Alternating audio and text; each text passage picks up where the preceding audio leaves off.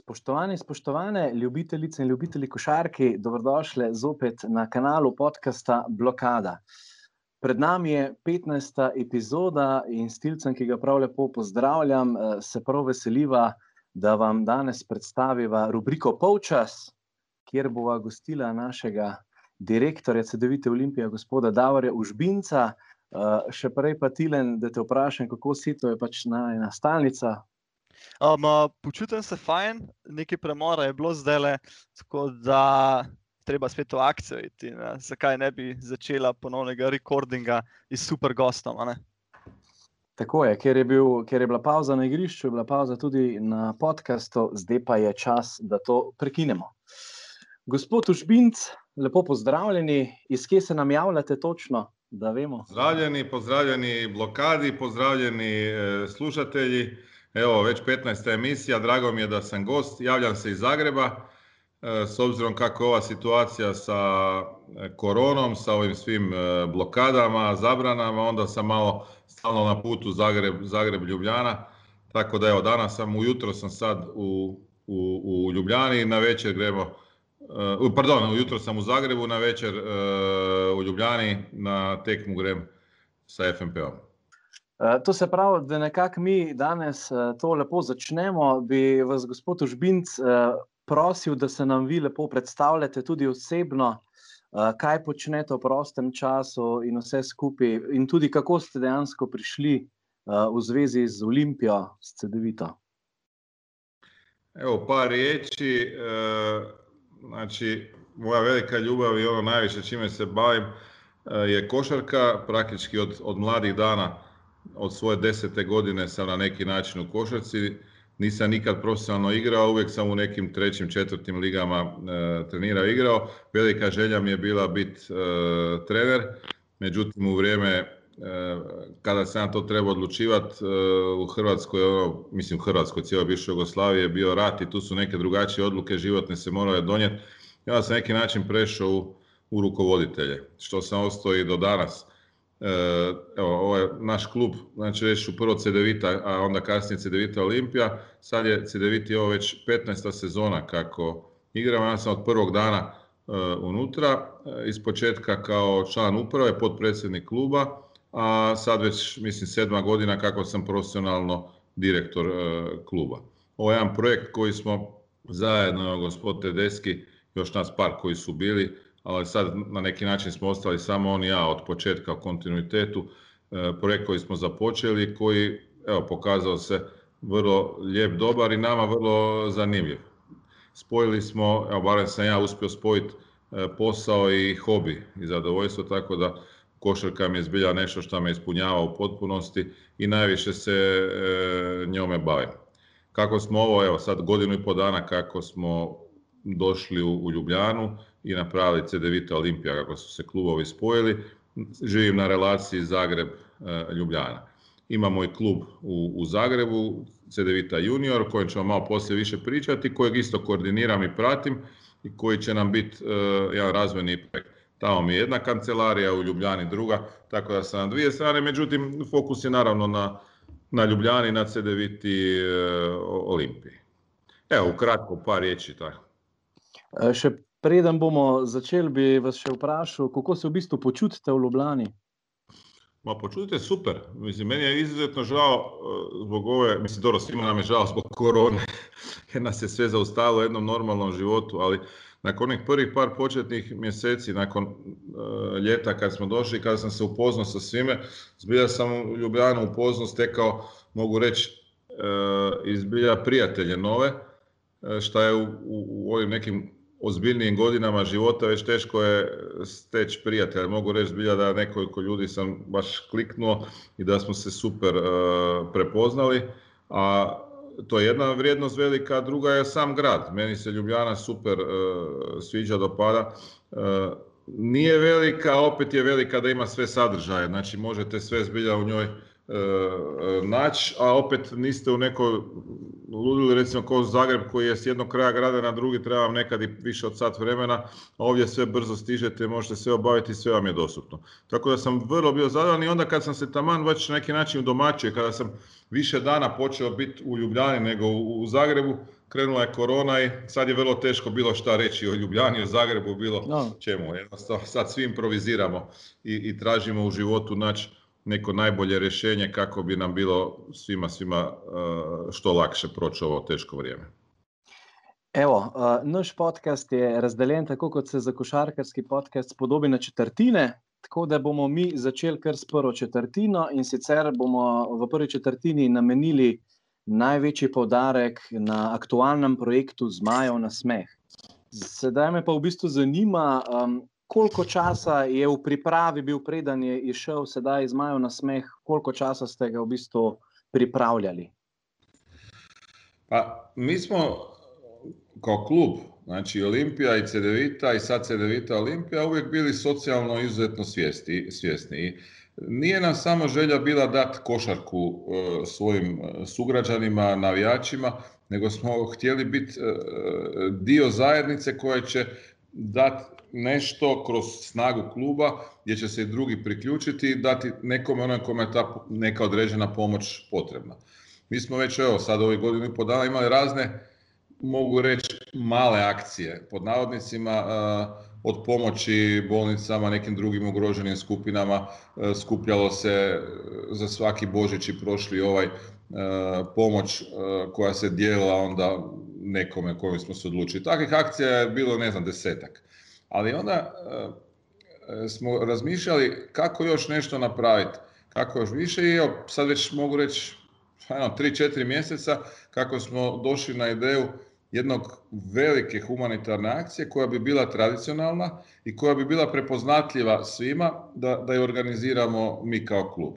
Tako da mislim da je sad prošlo sigurno više od tri mjeseca kako smo na jednom od naših kolegija donijeli, izabrali naslov Zmajev na smeh, kako sve se vrti oko zmaja i kako smo mi veliki zmaji, mali zmaji, zmajčeki, svi ono, onda smo rekli ok, Zmajev na smeh, idemo sa smehom, na smehom nekom dati svim, da nas smijemo onoga ko, ko, ko, ko nije e, tako. I onda krenulo smo dalje šta raditi. Onda smo prije nekog, nekog vremena odlučili se za gospođu Anitu e, da bude zajedno s nama. Pa smo onda s njom razgovarali, tražili dalje, gledaj kog ćemo dalje uključiti, kome će biti ta pomoć potrebna. Pa smo onda razmišljali kako bi to napravili. Onda smo nekako došli ideju da bi tijekom godine Zmajev na smeh e, pomagao kroz male aktivnosti, male akcije u kontinuitetu, a da bi u marcu, u trećem mjesecu imali jednu veliku akciju.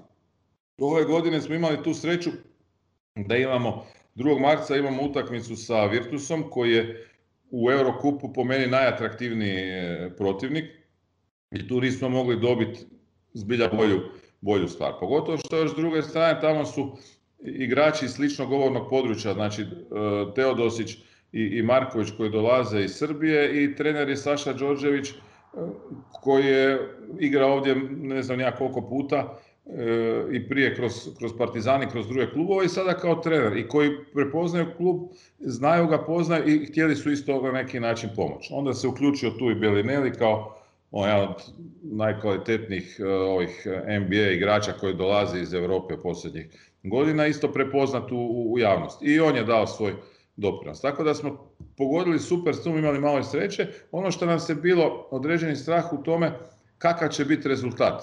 Da li ćemo mi do tada biti u nizu za, za plasman dalje, za pobjedu ili ćemo biti u porazima. To se sad nije znalo jer nismo htjeli biti negativni. A onda je ispalo super da igramo zbilja dobro, da smo imali dobre rezultate, da se ponovo jako puno priča i piše o, o, o košarci, da se na neki način košarka vrnula u Ljubljanu da je, da je ponovo e, tu i poklopilo se da ova utakmica može odlučiti o našem plasmanu među osam najboljših u Eurokupu. Tako da s te strane je to zbilja bilo super. E, dalje, jako puno se to trebalo napraviti. Jer po prvi puta smo sad neke aktivnosti uopće e, radili ovdje, ali tu se uključilo jako puno naših prijatelja koji su nam sad postali partneri, koji su se uključili u akciju i, i pomogli da sve to može biti E, kvalitetno napravljeno. Tako da ja neću sad pojedinačno nabrajati, ne bi želio, ali na našim stranicama, spletnoj strani i na, na svim ovim objavama, na reklamama se vidi koji su partneri. Ja im se zbilja zahvaljujem, mislim da jako dobru stvar uh,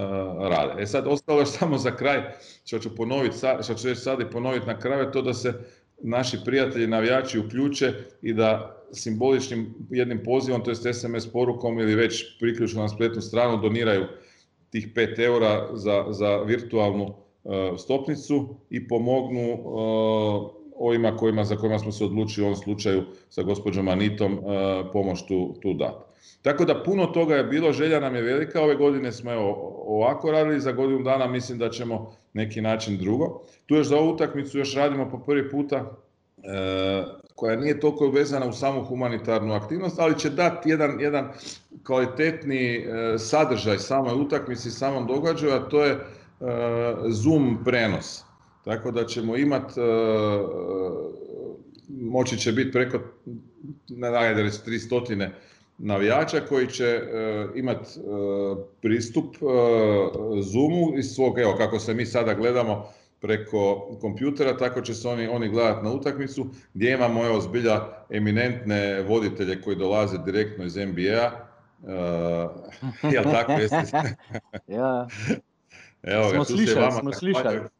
Tu se i vama zahvaljujem ovaj na, na, na, na ovoj uh, vašem pomoći i vjerujem da će, da će to biti jednih veselih dva sata gdje će oni koji će biti unutra zbilja moći uživati uh, u, u prenosu i u vašim šalama i u vašim komentarima i u vašim informacijama koje ćete im i davati. Naravno, bit će tu još puno i drugih gostiju, ali vi ćete biti ti koji ćete to sve držati. Baš se veselim uh, tome. Nažalost, neću moći gledati uživo, ali sam rekao Tinetu i ovima mojima iz kluba da moramo to sve snimiti, da hoću poslije pogledati, me baš zanima kako će to sve ispasti. Evo, tako da bit će puno tih aktivnosti. Ovi će uh, prijatelji iz Virtusa sudjelovat će već u najavama i ponovo sada u utakmice što smo već s njima dogovorili u onom pre-warming e, zagrijavanju, znači ne u službenom zagrijavanju pola sata, onom prije bit će svi u, u, u majicama zmajevom na smeh, te majice će se poslije i potpisivati, neke će se prodavati, neke će se dijeliti.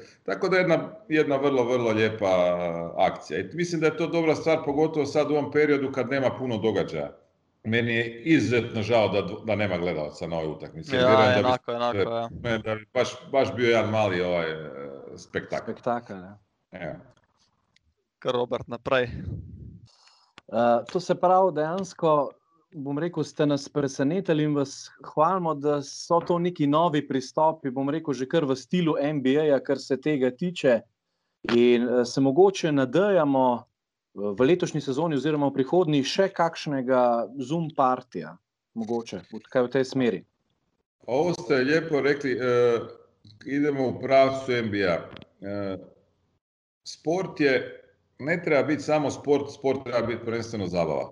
U e, NBA Amerika, mislim, to je velika razlika i nekad nama koji dolazimo iz Europe ili dolazimo evo, iz bivše Jugoslavije, nesvatljivo je da oni dođu ljudi tamo gledati utakmicu, pojest hot dog, E, popiti Coca-Cola ili već nešto drugo i da se uopće ne živciraju ko je pobjedio i šta je pobjedio.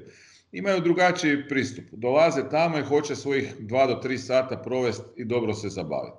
I nama je velika želja, naravno da ne gubimo sportski fokus, ali raditi od utakmice event. Znači jedan događaj, zabavni događaj gdje će svako moći doći sa malim djetetom, sa prijateljem, tamo provesti ugodnih dva, dva i po sata, popi dobro piće, popi, pojesti nešto i ima dosta, dovoljno sadržaja da baš uživa, da navija za svoj klub, da se bori, ali da nije smak svijeta ako se izgubilo. Ono, važno je da su naši igrači dali sve od sebe maksimum, da su pokazali. Ako je došao neko bolji, treba protivniku e, čestitati, a mi se spremi da sljedeću utakmicu budemo bolji i da pobjedimo. Ali da našim navijačima pokažemo da smo dali sve od sebe. Ne možete biti e, u svemu najbolji, ali morate se boriti i pokazati. I mislim da bi to onda kad publika to prepozna, doće, uživat će, bodit će nas i doći će ponovo na, na, na utakmicu.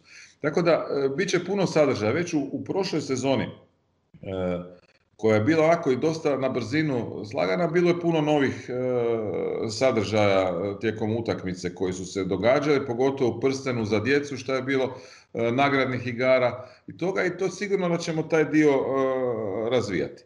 Tu ono što je preduvjet je da bude još više ljudi na svakoj utakmici da vi možete njima nešto dati. Čim bude u prosjeku, ne znam, 4000, 5000 gledalaca na utakmici, možete zbilja kvalitetne sadržaje dati, gdje se mogu uključiti jedni dodatni još sponzori koji će sa svojim nekim idejama doći napraviti. A u svakom slučaju pratimo i radimo na tome da utakmica iz utakmice bude sve bolje i bolja sadržajno znači u tom dijelu. Evo, sad je jedna stvar se isto dogodila koja će pomoći u, u kvaliteti samog događaja je, Šport Ljubljana je promijenila rasvjetu unutar same dvorane Stožica, unutar arene i sad su to ledice koje se mogu puno brže gasiti, paliti, može se stvarati jedan ugođaj. Na tome ćemo sigurno raditi, taj dio ćemo ovaj, iskoristiti. I tu razgovaramo dosta sa, sa Šport Ljubljanom kako još tu dvoranu neko, u nekim stvarima su vrediti. Mislim, time da morate znati, Stožice su sigurno jedna od naj, najkvalitetnijih, najboljih arena u,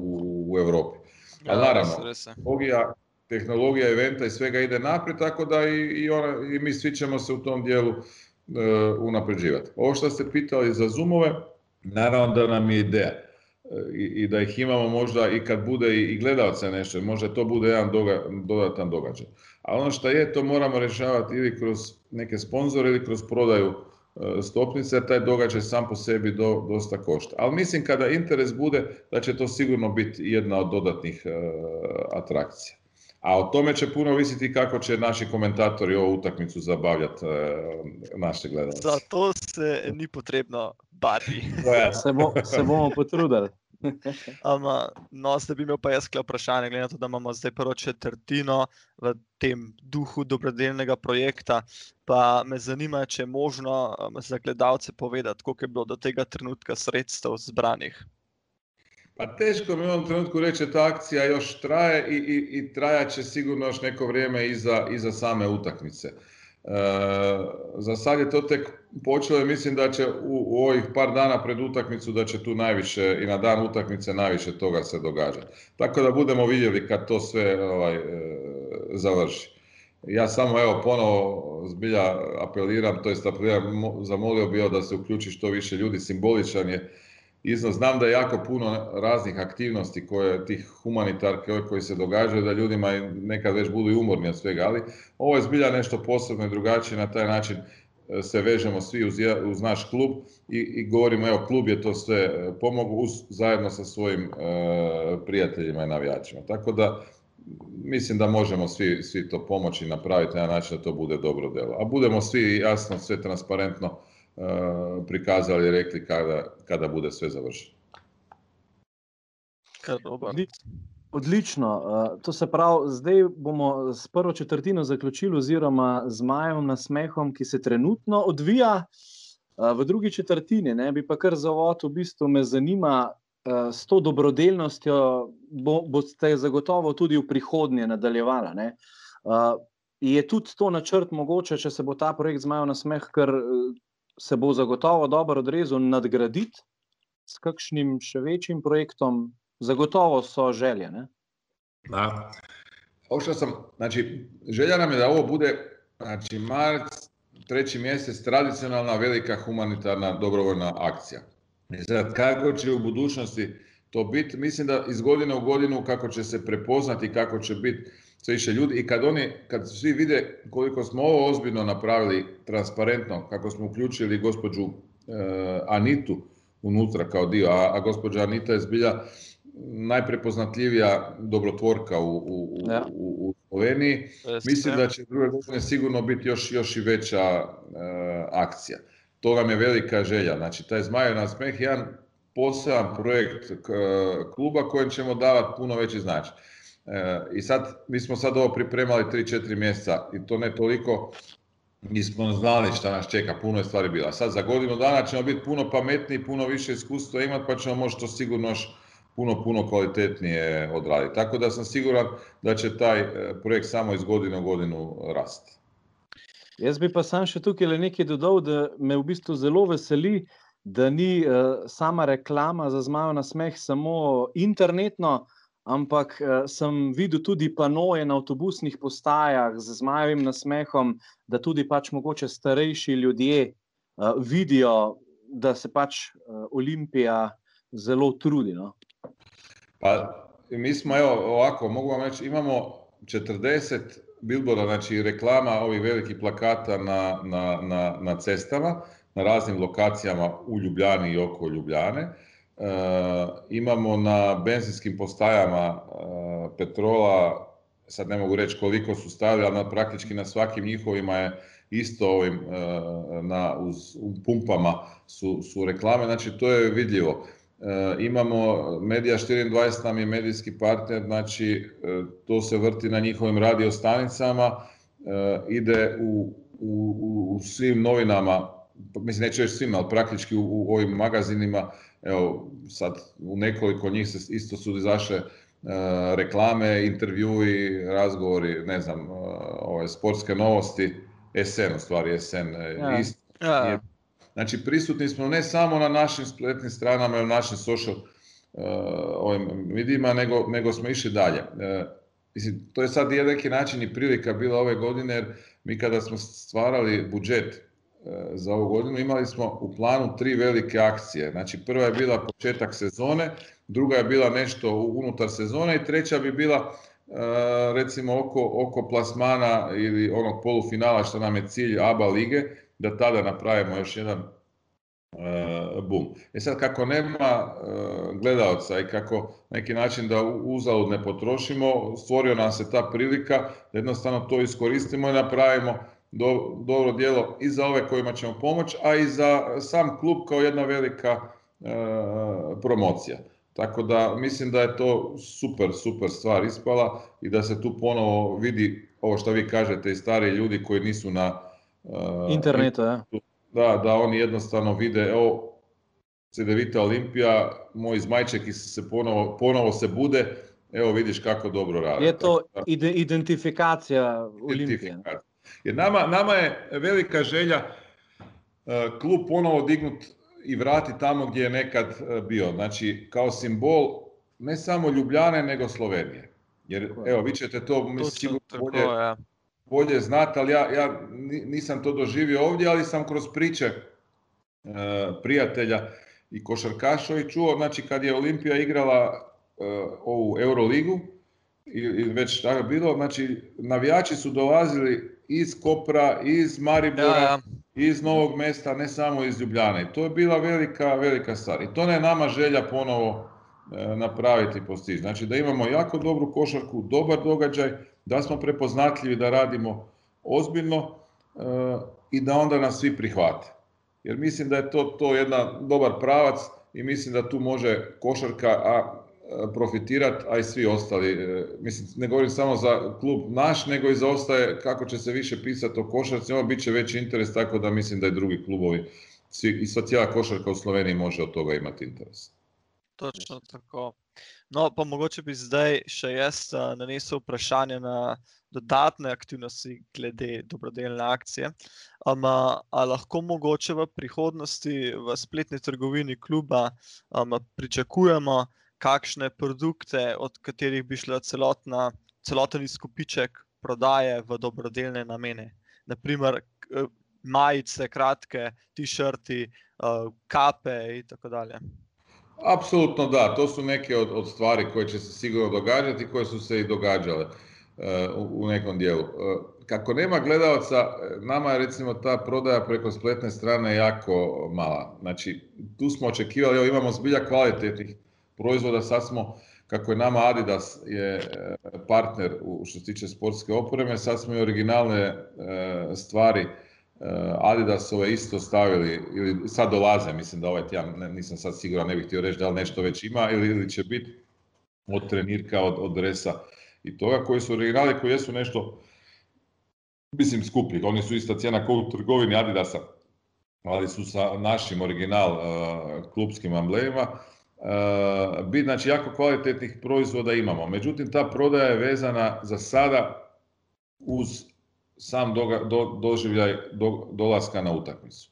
Kako toga nema, ona je minimalna i s time sam iskreno dosta nezadovoljan i tražimo rješenje kako da to povećamo. E, sigurno da će biti nekih još u budućnosti akcija, a i sad je dio, na već neki način imamo dijeljenja e, za neke, neke stvari koje se doniraju. Eh, da će to biti. To će biti dio sigurno tako koji će u budućnosti se to eh, još kvalitetnije eh, uraditi i napraviti. Znači to je ništa ne, nešto što to je sasvim normalna stvar i to je vrlo vaše pitanje ok i nešto što rade svi, radit ćemo i, i mi. Ali nam je prva želja dignut tu prodaju da ljudi uopće znaju da mogu kvalitetan proizvod kupiti. Znači to je naš fan shop, nažalost naš, naš fan shop je samo isto za vrijeme ove utakmice, E, a sada smo u razgovorima i mislim kada se situacija normalizira imat ćemo na nekoliko lokacija kod naših e, partnera e, mogućnost prodaje toga i u cilju nam je, cilj nam je napraviti fan shop u, u centru Ljubljane.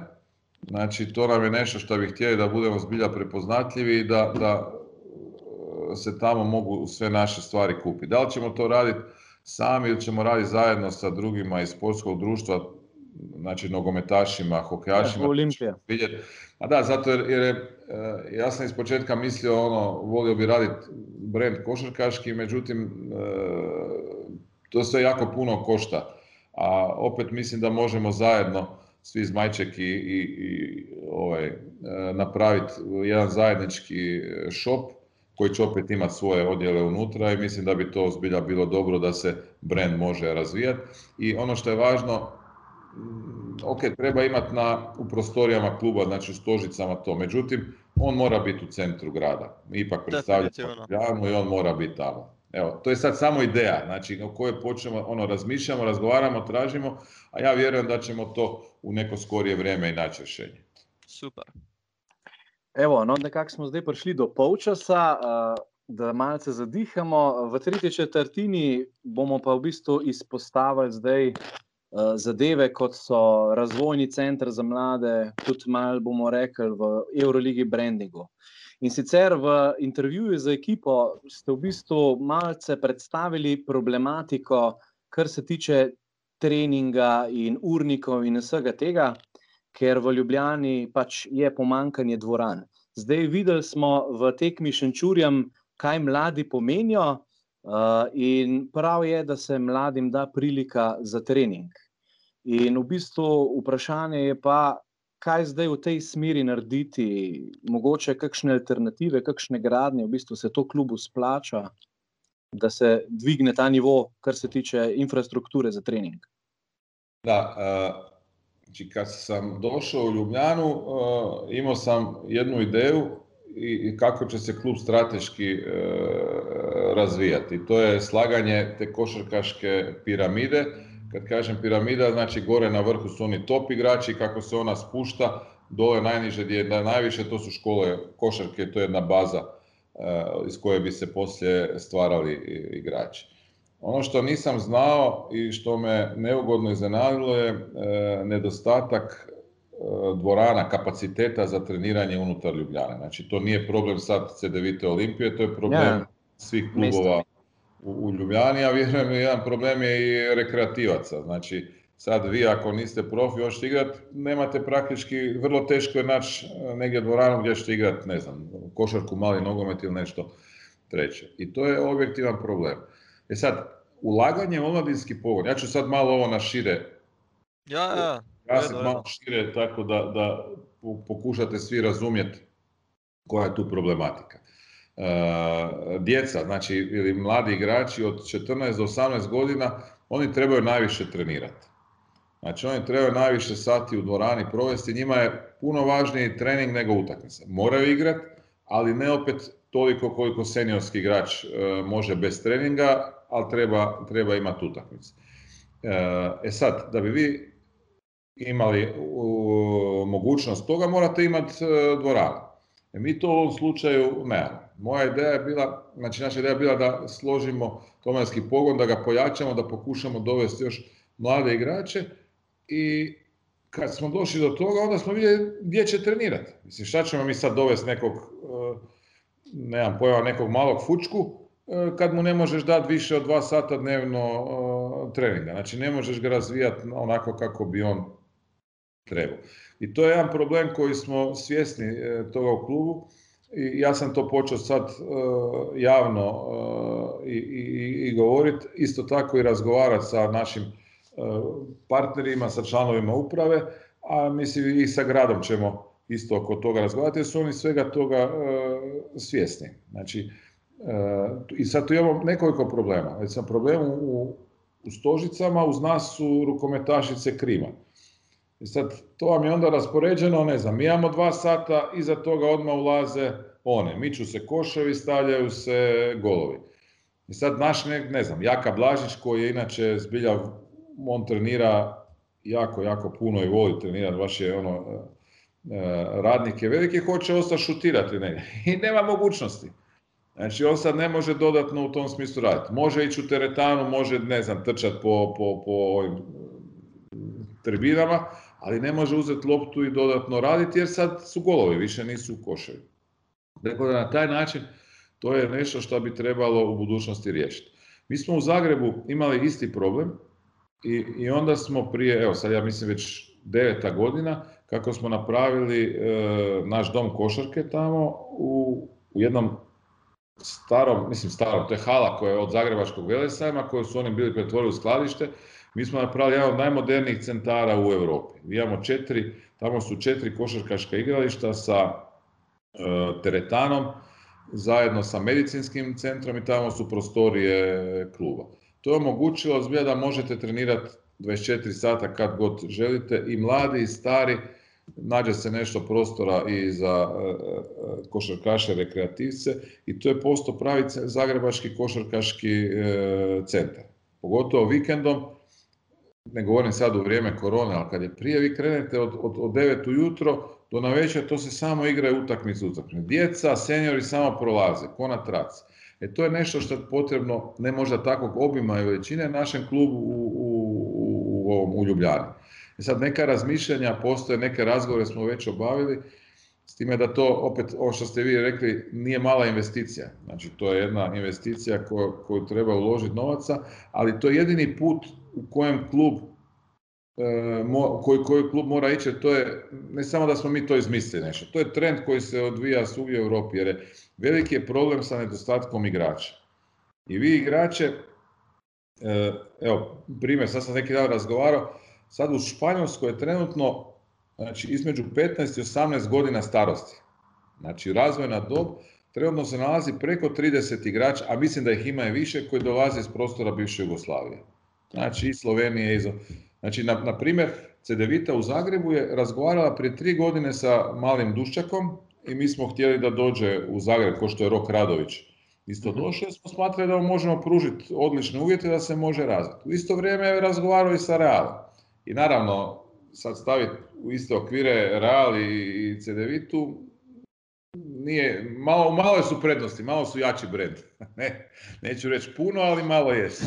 Naravno da, da to dijete ovaj, e, i roditelje e, zainteresira i da odlaze. Ali tu nije samo Real, tu je ova, uh, Gran Canaria koja već dugo godina radi, Tenerife, mislim oni koji imaju svi te ne svoje škole koje su puno prije Reala i Barcelone počele raditi. Ali evo, sad je Valencija prije godinu dana završila svoj centar sa osam igrališta.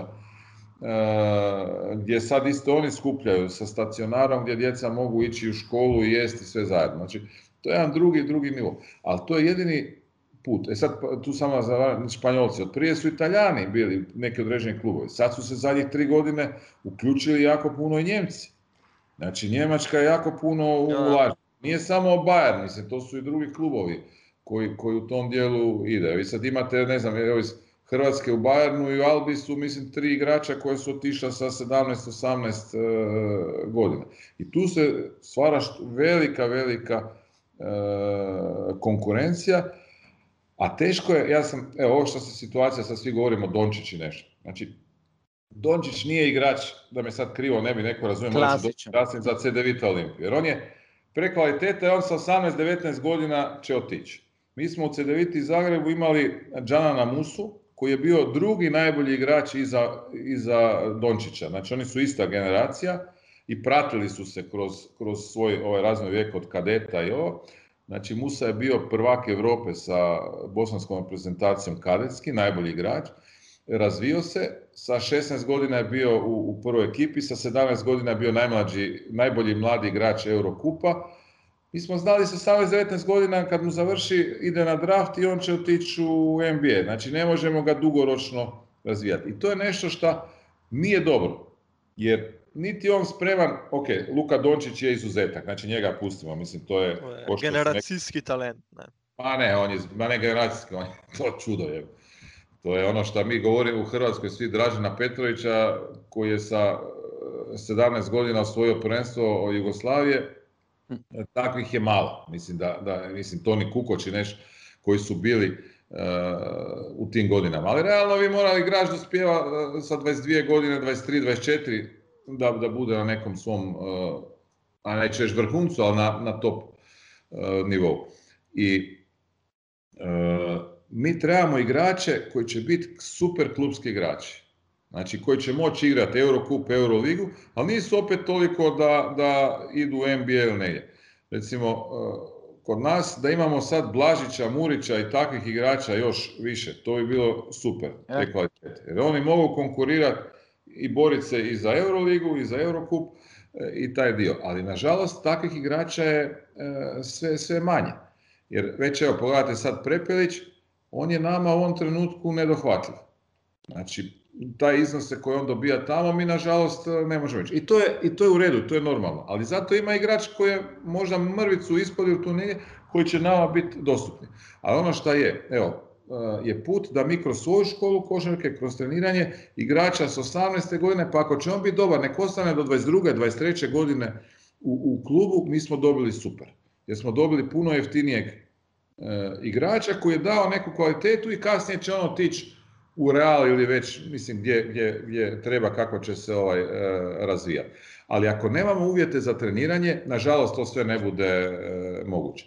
Mi ćemo sad kratkoročno e, kombinirati, mislim kratkoročno, možda dugoročno vidjet ćemo e, sa Zagrebom i tako da tamo Cedevita junior je, kako se klub e, zove, on igra sad, to se zove prva liga, u stvari to je drugi, drugi rang natjecanja i tamo su prvi velika nam je ambicija nakon play-offa da uđemo u premijer ligu, prvu ligu. I to je liga koja, mislim, u kojoj igraju i, i Cibona, i Zadar, i Split, i još ima nekoliko dobrih klubova. Mislim da je ovom trenutku je nešto jača zbog širine klubova, kako se Primorska od Slovenije ugasla, pa je više dobrih klubova, e, jača je nego slovenska e, liga. Makar su ovi klubovi kad se makne ovih 4-5, tu su onda Krka i Cedevita Olimpija Pandan, tamo je recimo broj tih kvalitetnih klubova je nešto veći, a ostali klubovi su podjednake snage kao i u, u Sloveniji. Mislim da je to dobro za mladog igrača koji će moći se uz dovoljan broj treninga tamo razvijati i godinu, dvije dana ostati, nakon toga doći u CD, vratiti se u Cedevita Olimpiju i tu dati ono što nam treba. E, osim toga, ambicija je da, osim znači, uvjeta za treniranje, e, je i da imamo još jedan, osim Hrvatske lige, ili da igramo ABA 2 ligu, ili da igramo možda ovaj FIBI neki... E, Eurocup. E, kup, ne, ne, a, Challenge kako se zove. Ja, U smislu da, da djeca imaju opet još dvije utakmice na, na, na tjedan, da znaju šta to znači. E, tako da je to je neki pravac u kome ćemo, kome ćemo ići. Znači, strateško je važno za klub da u budućnosti se nađe rješenje za, za dodatne dvorane. Da li ćemo to graditi, da li ćemo s nekim partnerstvom zbilja u ovom trenutku, ne znam, ali znam problem koji je i koji morat ćemo riješiti ako hoćemo biti kompetitivni i konkurentni ostalim klubovima u Europi. Jer opet ću se vratiti jednu drugu stvar. E, Mi nećemo biti, Slovenija je premalo tržište i premala država da je mogla konkurirati Italiji, Španjolskoj, Turskoj, e, Rusiji. Znači to nisu više ona vremena od prije 10, 20, da ne kažem i, i, i više godina, jer danas je sve tržišno orijentirano. Danas je novac taj koji definira i odlučuje što se tiče e, sporta. Nažalost, košarka nije na razvojnom nivou kao nogomet, pa da vi dobijate kroz razne nagrade, evo ogromne količine novca i da klubovi mogu e- e- egzistirati. To su astronomske razlike, znači to uopće nema veze jedno s drugim, e, tako da mi smo prinuđeni okrenuti se sami sebi i sami kroz to jednostavno se boriti i tražiti rješenja. Tako da tu su mladi igrači ti koji, koji trebaju onda biti. Evo, dobar vam je primjer, znači to nije bilo tako zamišljeno, ali dobar je primjer recimo Rok Radović. Znači Rok Radović je došao sa 15 godina u CDV-tu Zagreb. Sad si zamislimo nekog novog Roka Radovića koji će biti da ima dovoljno termina i treninga u CDVita Olimpiji proći kadete. Ovo i sa 17 godina on je već na takvom jednom nivou da može igrati Hrvatsku premijer ligu, odlazi tamo, igra, sa 18 godina već igra recimo ABA 2 i on tu dvije sezone bude s 19 ili 20, nije važno, možda i s 21, dolazi u CDVita Olimpiju gdje kreće prva sezona treće krilo. Sezona iza drugo krilo i, i već je u jednoj rotaciji, to je jedan normalan put. To je nešto što Crvena zvezda ima sa FNP-om na još višem uh, nivou, što je budućnost je sada napravila svoj klub koji igra u oba dva e, ligi i nešto što je Partizan počeo pa sad odustao od tog projekta sa mladosti u Zemuna koji isto oba dva e, ligu igrala. Znači, govorim, nismo mi sad tu nešto izmislili da je, nego to je jednostavno neka nasušna potreba. I sad se vraćam, sad imate tog roka i on vam dolazi. Rok ne košta sad 15-20 tisuća e, nečega, nego košta 10 puta manje. Jer on zna da će, kako će se razviti, da će poslije E, dobiti i zaraditi, a mislim i, i kod nas naravno da, da će dobiti pristojan ugovor, ali to opet sve puno jeftinije nego dovoditi nekog stranog igrača. I ono što je, stvarate domaću bazu. A ono što je, evo, vidite ovu sezonu, mislim prošlu, nama je cilj imati domaću bazu, okosnicu od domaćih igrača. Ali svi smo svjesni da ih nema. Ja. In tukaj na tem, področju, na tem področju pa lih ta problem, ki ga izpostavljate, da nima človek infrastrukture, take, da bi lahko svoje mlade talente razvil kvalitetno. Ne? Da. Evo. To je infrastruktura, nam je zelo, zelo potrebna. In če pa to ja. vprašal v Zagrebu, ali je kljub v bistvu naredil remont za dvorane, ali je tudi občina oziroma mesto Zagreb, ki je k temu pripomoglo? Znači, to je sve napravljeno klub, to je naš, naš e, sponzor, to je Atlantic Grupa. Atlantic Grupa je investirala uz to i to je onda dala klubu koji klub plaća za to ulaganje kroz neku amortizaciju, sve plaća e, Atlantic Grupi. Klub plaća najam te hale, znači nismo dobili od grada ništa, nego mi smo halu unajmili na natječaju, dobili smo na natječaju i plaćamo kao skladišni prostor ok, imamo dogovor s njima, ulaganja, sve ovo, e, šta je da smo mogli to raditi, ali to je sve bila investicija e, naša. I sad, da vam pojasnim kolika je tu problematika. Recimo, e, to je stara hala, to je građeno nekih 60-ih godina, ne? negdje. Krovovi su tad rađeni, vrlo često negdje pušta voda. Sad mi ne možemo sami ništa popravljati, nego moramo njih zva dok oni dođu, dok oni to vide, onda oni nemaju novaca, pa se to sve razvlači. U isto vrijeme pada nam voda dole, diže se parket. Opet onda mi taj parket da bi mogli igrati sami o svom trošku, popravljamo, krpamo i idemo. Znači to je jedan odnos koji nije dobar, to je bila naša želja i ambicija, nevezano na grad, jer u gradu ne, nije baš da, da smo imali jako dobre odnose, da, su imali, da smo imali podršku, nismo jer je u gradu je, nažalost, nema razumijevanja za, za, za takve stvari, a i grad favorizira Cibonu e, u, u svim pogledima i onda bilo šta što smo mi radili, to je kontra. Međutim, ne mogu reći, e, prihvatili su projekt, dozvolili su da se to napravi, ali sva investicija cjelokupna je bila od kluba i Atlantic Group. Mhm. Pošteno. Evo, Robi, boš kar naprej zapelo na Euroligo. Ja, to se pravi, če se zdaj dotaknemo Eurolige, ne, v bistvu, kaj je za Euroligo najbolj zanimivo, poleg budžeta, ki ga vsi upevamo? Ne? Ali je v uh, interesu Eurolige tudi v bistvu uh, ta zanesljivost, dobra organiziranost v Ljubljani, konec koncev z Euroligo tudi navijaški boom? Uh, je to dovolj zanimivo za Euroligo ali oni gledajo res samo na velike centre, ali Pariz, Berlin in podobno, in v bistvu Ljubljana nima šans. In London v zadnjih časih se zelo veliko pojavlja, ki bi tudi ni logično, ampak ok. Ker ni logike z basketom, pa London. uh, to je jedno, mislim, nije teško pitanje, ali je kompleksno. Znači, uh, cijeli sport se pretvara na najvišem nivou u biznis. Znači, svi pokušavaju slijediti šta radi nogomet. Pa tako i košarka, i rukomet, a vjerojatno sutra i, i, drugi sportovi. Uh, Ljubljana kao grad i, i stara Olimpija ima super odnose sa Euroligom. Zato kad je bilo ono razdvajanje prije 20 godina, Olimpija je stala na stranu sadašnje Eurolige i tu je bilo, e, i to, ti odnosi su ostali pozitivni do danas. Tako da je s te strane dobro. Cedevita u Zagrebu je isto od početka stala na stranu ovoga i mi imamo ko klub vrlo dobre odnose sa njima, da pače. Kada smo spojili klubove, Cedevita Olimpija, prije nego što smo objavili informaciju da se dva kluba spajaju i da se Cedevita iz Zagreba seli u Ljubljanu, mi smo bili na sastanku u Barceloni gdje je bio gospodin Tedeski, gospodin Berlošnik i ja, gdje smo Bertomeu pojasnili cijelokupan projekt i ideju i tražili smo njihovu podršku. On je s tim bio oduševljen. Jer je e, želja velika bila da Olimp, o, to je Ljubljana, bude još jedan stabilan centar koji će biti dio Eurolige, to jest kad kažem Euroliga mislim i na Eurolig, na, na yeah. Liga Eurokupa, znači jedno i drugo gleda. Organizacija. Orga, kao organizaciju, tako je.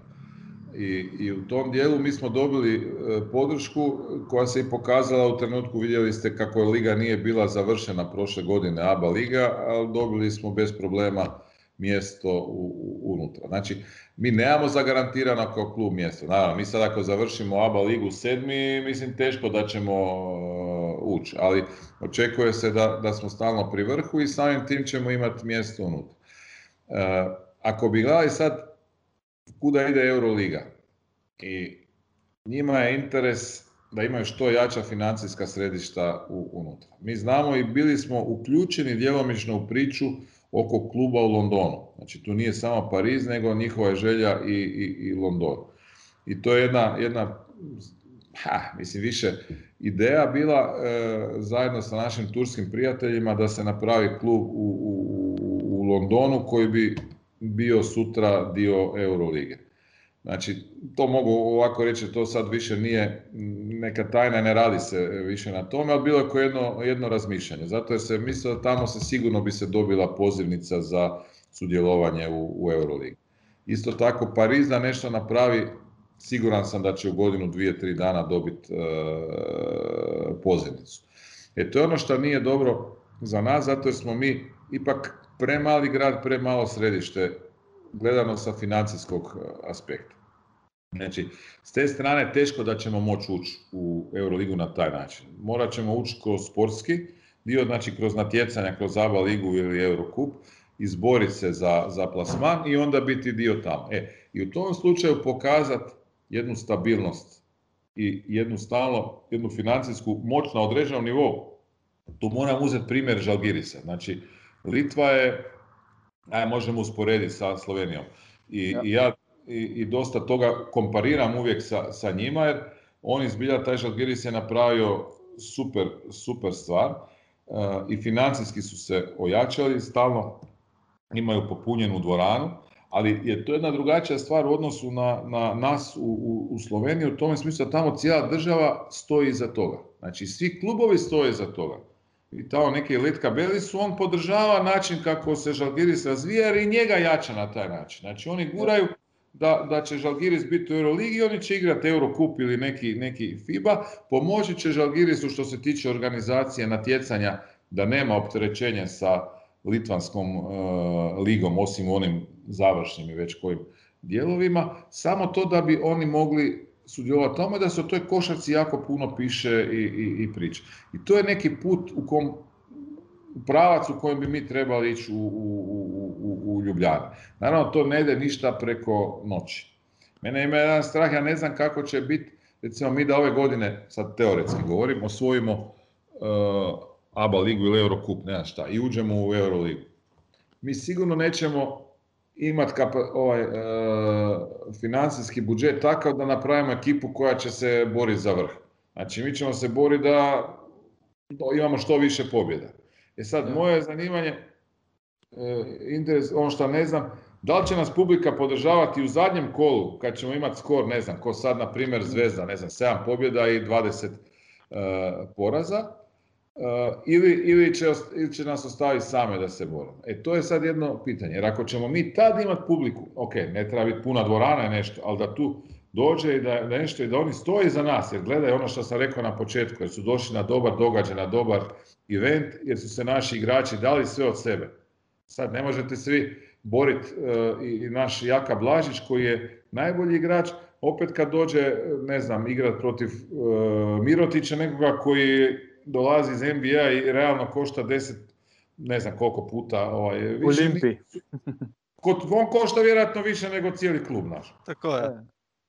I, znači nisu realne, realne osnove sada mi možemo to reći, e, mi ćemo pobijediti. Da pače, sigurno će se dogoditi neka pobjeda. Ali ono što je, daćemo sve od sebe. E, da li će publika to prepoznati i doći na utakmicu, to sad ne znam. Evo, to mi je veliki upitnik, jer recimo ja bojim se da je nešto slično i u Sloveniji kao i u Hrvatskoj, a to je, uh, ja za Hrvate sam govorio, a sad mogu reći za Slovence, Hrvati ne vole sport, Hrvati vole pobjednike.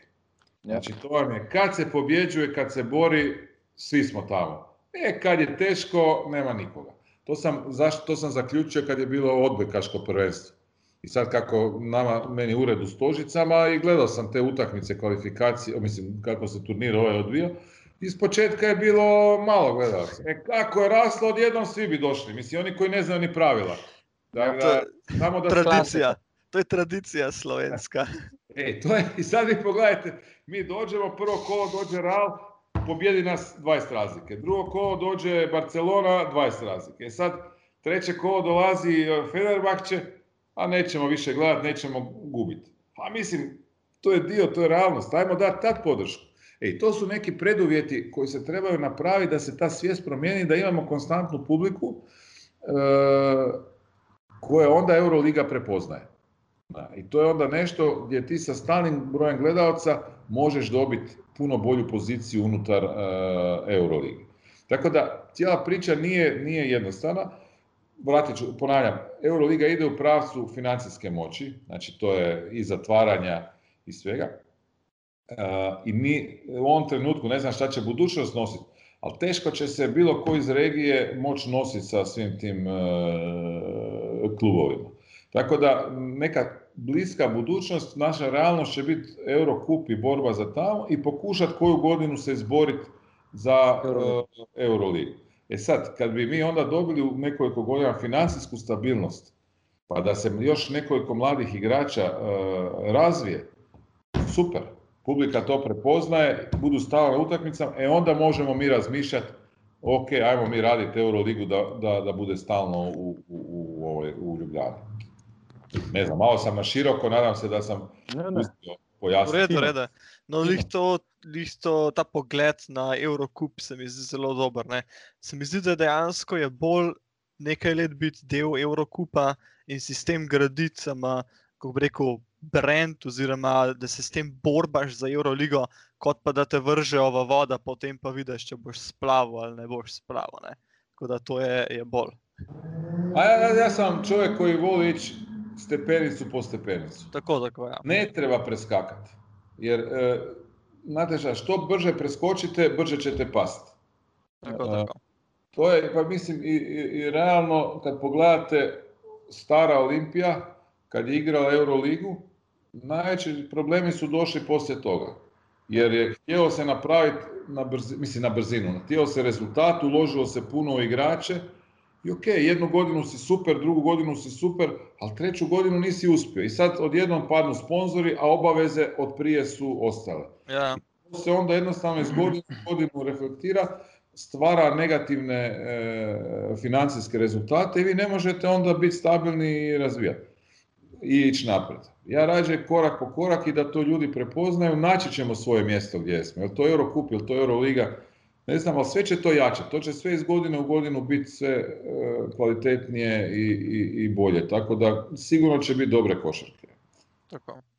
Um, Robert, imaš kaj zapovedati? Če? Ja, v bistvu še vprašanje, kar se tiče naslednje sezone mesto v Evrokupu je že garant ali je to še vprašanje rezultata? To sam malo prije odgovorio. E, znači, ABA liga više nema ugovor sa Euroligom koji garantira, ali imamo dogovor. Znači, po tom dogovoru pobjednik ABA lige ide u, u Euroligu i Euroliga nam garantira tri mjesta u Eurokupu.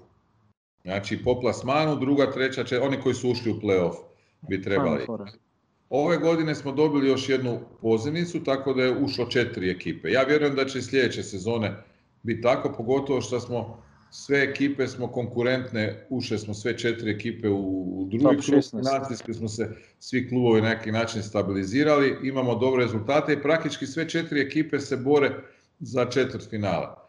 Tako da prošle godine je bio samo Partizan ovdje, a sada u našoj grupi bit ćemo, vjerujem mi, ali ako nismo mi, bit će sigurno budućnost. Govorim sa ABA lige, to će zadnje, to je ove dvije utakmice odlučuju ko će, ko će gore. Znači jedan je sigurno. A tamo imaju šanse i Partizan, a i Mornar još nije zatvoren. Tako da se teoretski dogoditi da tri ekipe budu u četvrtfinalu. Sad tri od osam sigurno će nam dati još jedno mjesto. Jer ove godine Liga je izuzetno e, jaka i financijski je nekako se, mislim, uz sve ove probleme u koroni što se događa, E, opet su ovi klubovi iz Srbije i Crne Gore su se baš uložili su dosta i, i, stabilizirali se na neki način da budu konkurentni u, unutar Europe. Tako da mislim da je CDVita Olimpiji nije garantirano mjesto. Znači mi ga nemamo zagarantirano jer teoretski kako ćemo biti šesti, sedmi, teoretski govorim, ja, neće.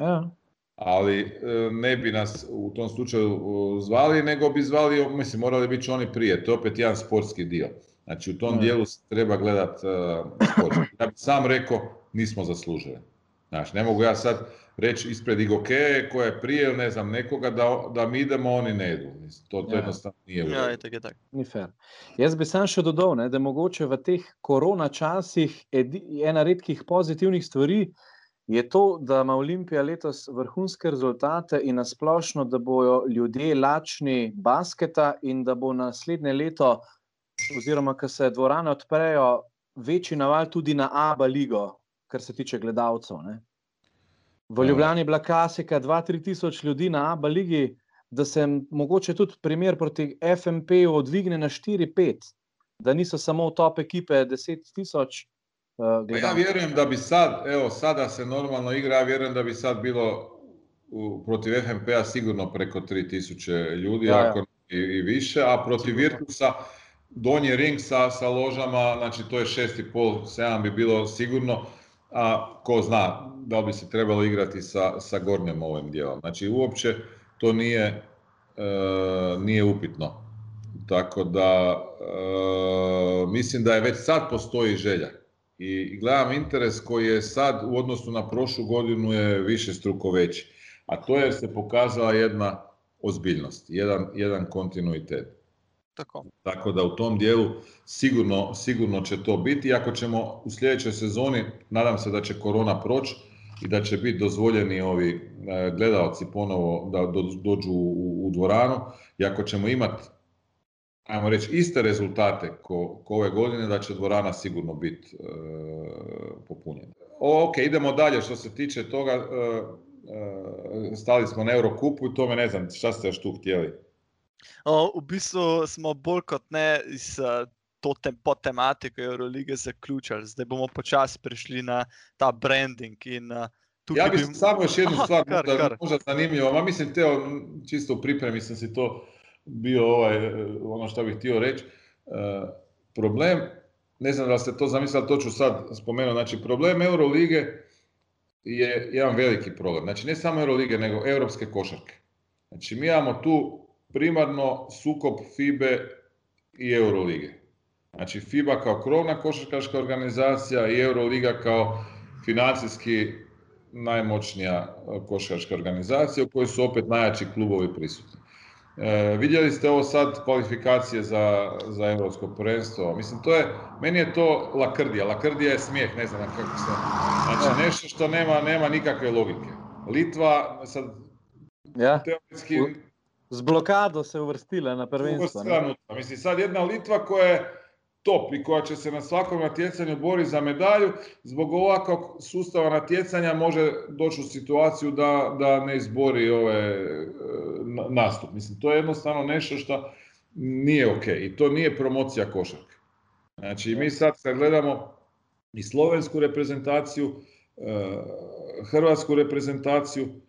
Ja sam gledao, mislim, ja i jednoj i drugoj sam vidio neke igrače koje, sad teoretski govorim, ono maltene nisam gledao. Oni koji površno plate košarku, ne znaju koji su to igrači. I oni sigurno, svaka čast svakome od to, mislim, oni se i trude, bore, predstavljali su i Sloveniju, super, ali to nije najbolja kvaliteta nijedne reprezentacije. I tu se mora naći način kako da se to riješi, jer jednostavno na taj način ubijamo uh, S te strane isto sad, ne znam, u kvalifikaciji ovi mogu igrati, ovi ne mogu igrati, to, to nije ovaj e, dobro. Isto ta, katastrofa. Ne, to je baš nešto što nije dobro. Kriminal. Ja, e, Onda previše, previše na neki način natjecanja. E, FIBA ima dva, ova Euroliga ima dva, vi više nekad ne znate ko je šta. Ovi zovu, FIBA zove ono Champions League, ja. Sad, pa je, dru, druga Champions League. Pa... Euro Challenge, Basketball Champions League, da, jedan, FIBA jedan, Europe Cup. Super, mislim, ja, ja ne znam to. Pa onda imate tih, ovih, kao što je ABA liga regionalnih, ja. koje ne znam, ali dobro, mislim, te regionalne lige su nužne. Jer kad su države premale, da igra se samo Slovenska liga, ona jednostavno nije dovoljno jaka i atraktivna da bi vi mogli naći sponzore koji će pratiti da igrate Slovensku ligu i ne znam, na primjer Eurocup. Tu je nama nužna uh, ABA liga, ali tu se isto mora naći način, uh, a to opet ide, generira sukob FIBE i Eurolige, gdje ABA liga je na strani uh, Eurolige, a nacionalna prvenstva su na strani FIBE. FIBE. Mislim, što je kaos. Mislim, sad ispada da smo mi iz CDVite Olimpije na strani Eurolige, o ne, mi smo na strani košarke.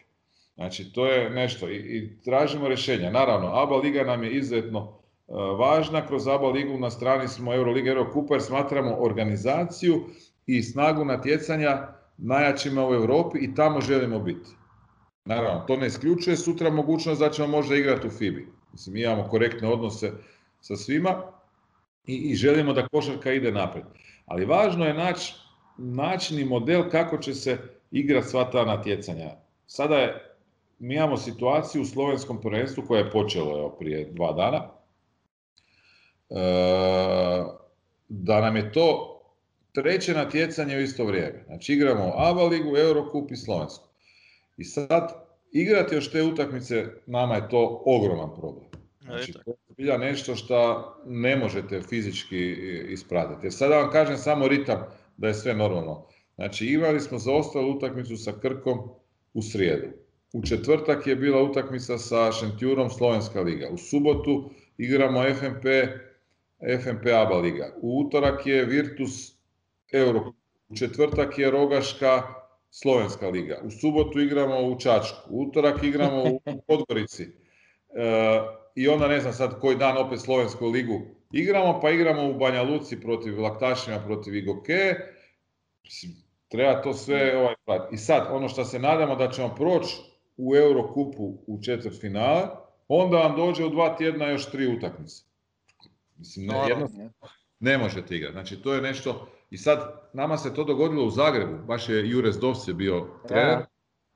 Mi smo u, u januaru smo imali 11 utakmica, znači isto smo i bili u drugom krugu Eurokupa, Hrvatska liga, i tad smo igrali sve sa istom ekipom. Imali smo 16 igrača, pa smo nešto kombinirali, ali Znači, mi doslovce, znači ovo nije, mi smo imali samo dva treninga taj mjesec. Znači, ne, ne računamo onaj trening kao priprema za utakmicu, nego trening gdje ti možeš nešto raditi.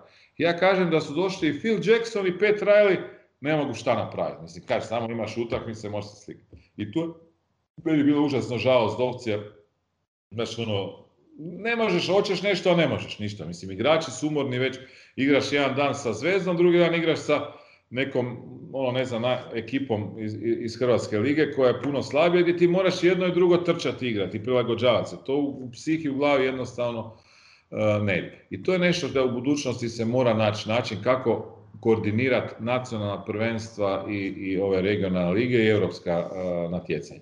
Mi imamo sad barem dobre odnose sa uh, ostalim klubovima i zašli su nam u susret.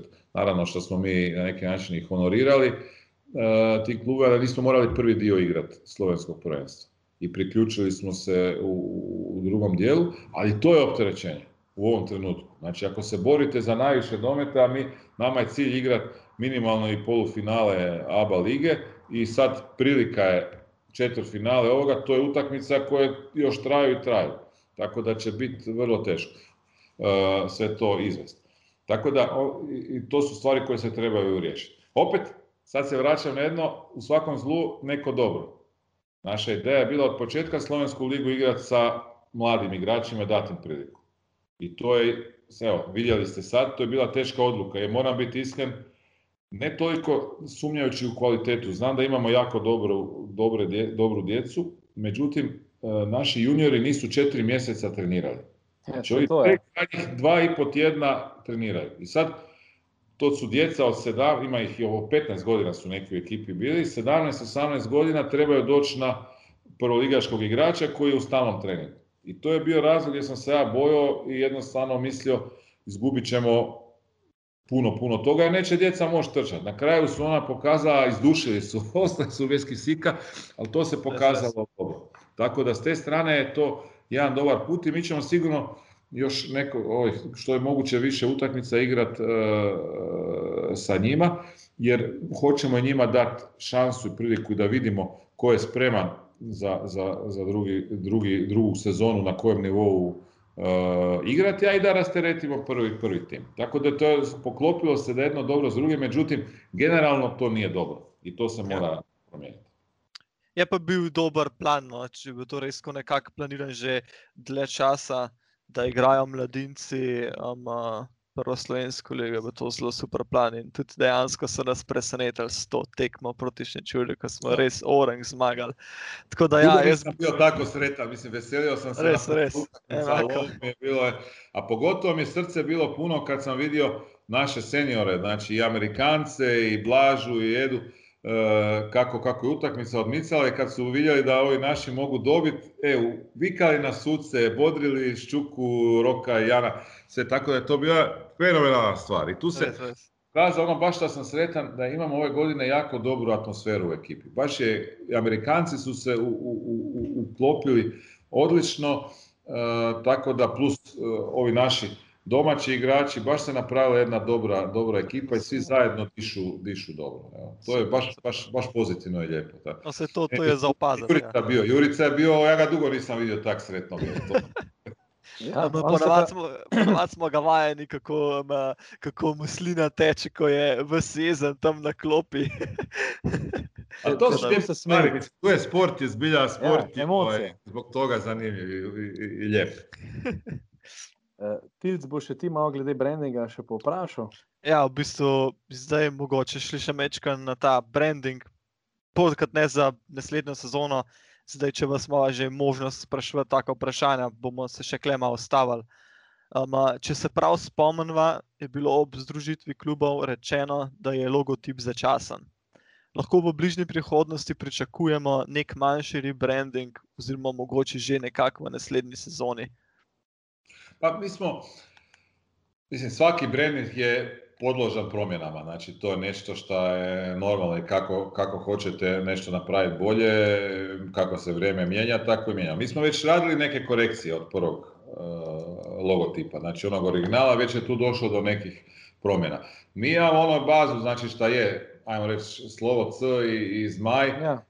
Naranđa se, zelena barva, to je tu. E, sad sigurno će se, ne svake godine, ali nekad raditi određene korekcije koje će biti modernije, kvalitetnije i, u tom smislu napravljene. Znači, mi nismo kruti. Pogotovo, recimo, e, ja sam jako puno u ovaj, e, i u biznisu bio, mislim, i, i menadžer i vodio puno toga i, dolazim iz jednog drugog okruženja, nisam samo iz sporta. Tako da znam šta znači i, i, i branding i promjene i prilagodbe svemu tome. Isto tako, Atlanti grupa koja nas način sve e, odgajala kroz, kroz CDVitu je jedna, jedna firma koja nije kruta, ona je vrlo lako se mijenja. Znači, ako danas nije ovako dobro, idemo tamo. Nisu opterećeni s tim stvarima. Znači, sve što je dobro za, za posao, sve što je dobro za zajednicu, napravit ćemo. Danas je crno, sutra je bijelo. Nije, nije važno sad. E, jer ima puno, puno ljudi koji go, idu u jednom pravcu i neće ništa kruto promijeniti. Pa sad ako mi razgovaramo i vi meni dajete neke sugestije, ideje, razmišljanja oko, oko nečega, ja poslije pogledam, vidim da je to pametna i dobra ideja, ako mogu, naravno da ću mijenjati. To me opće takve stvari, evo, to su svi ljudi u klubu shvatili, naučili, znači svi smo isključili, svi sve moguće promijeniti. Znači, ako je za dobrobit kluba. Tako da u tom dijelu ćemo ići. I radit ćemo sigurno stvari, ko što smo pričali oko onih ivenata za utakmicu, tako i oko brandinga, sve to da napravimo od kluba jedan pravi prepoznatljivi e, brand. Zato je moja želja imati najkvalitetniju opremu koja će se prodavati u fan shopu, imati e, fan shop u centru Ljubljane na ok, koliko je moguće na, na prestižnijem e, mjestu, je da stvaramo premium brand. Znači nismo druga liga, nego mi smo prva liga. Top. I to je želja. Naravno, to ne ide preko noći. Definitivno. To nije ništa što se može ovako napraviti. Jer puno godina je prošlo da se nije, da je klub na neki način stagnirao, e, stajao je na mjestu i ne možete vi sad doći odmah tamo gdje, gdje ste nekad bili. Ne, polako. Polako će ići i ja samo želim da svi imamo dovoljno strpljenja. I, I možda će jedna sezona biti nešto slabija rezultatski, ali organizacijski svemu to ne može biti. Mora se napraviti i moramo raditi da, da klub baš bude prepoznatljiv i da ga i poštuju vole i da su ponosni i Ljubljančani i Slovenci na, na, na jedan, jedan pravi klub koji će biti organizacijski sigurno u vrhu Europe, a sportski da se može boriti sa svima. Super. Tebi imamo še eno podprašanje, ki v bistvu smo se s prijateljem eh, pogovarjali glede dizajna parketa. Ne? To predvsem mene zanima, ali to lahko pričakujemo v prihodnosti, ali tudi to, kakšen upgrade tam je. Kaj konkretno mislite po tem? Eh, ne vem, mogoče v smislu, vem, recimo, zelo dober primer, zelo dober primer super dizajna parketa, Dallas Mavericks, ne? neke retro, retro pridih nazaj nekako u tim smislu. Znači, tu ima nekoliko stvari koje, koje e, definiraju izgled parketa i same uh, svih stvari koje su čine utakmicu. Uh, imate propozicije, propozicije natjecanja koje kažu gdje se i kakva reklama može stavljati. Znači, NBA i Dallas jedna druga priča, mi možemo se uspoređivati sa Virtusom, možemo se sa u jednom dijelu sa Barcelonom, imaju kakve su tamo propozicije, kakve oni imaju. To je strogo e, definirano. Isto tako, e, parket i sama dvorana je vlasništvo šport... E, Ljubljana. Da. I, I ona isto ima svoja pravila i nešto šta se može, šta se ne može. Naravno da nam je želja i, i svaka, svaki prijedlog je dobro došao.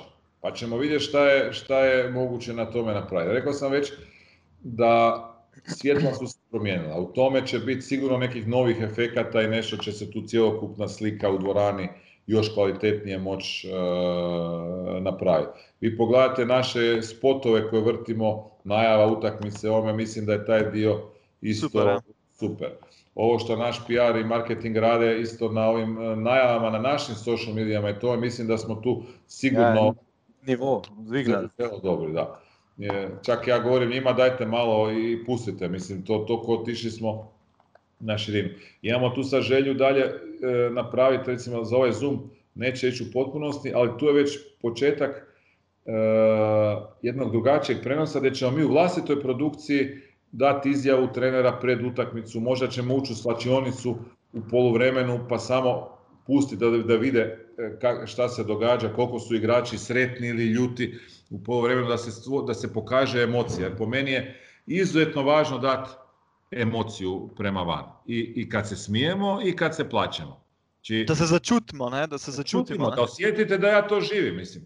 Ja sam dosta emotivan temperamenta, mene gledaju gore ovi kolege kak sjedimo u, u, na, na tribini i ja ne mogu na miru sjediti. Znači kako utakmica odmiče, kako je ona neizvjesna, sve sam temperament. I gledao iz početka kako su kolege bile mirni, e, neki sad uzeli su od mene i svi smo sad već u, transu, iskočimo i sve tako.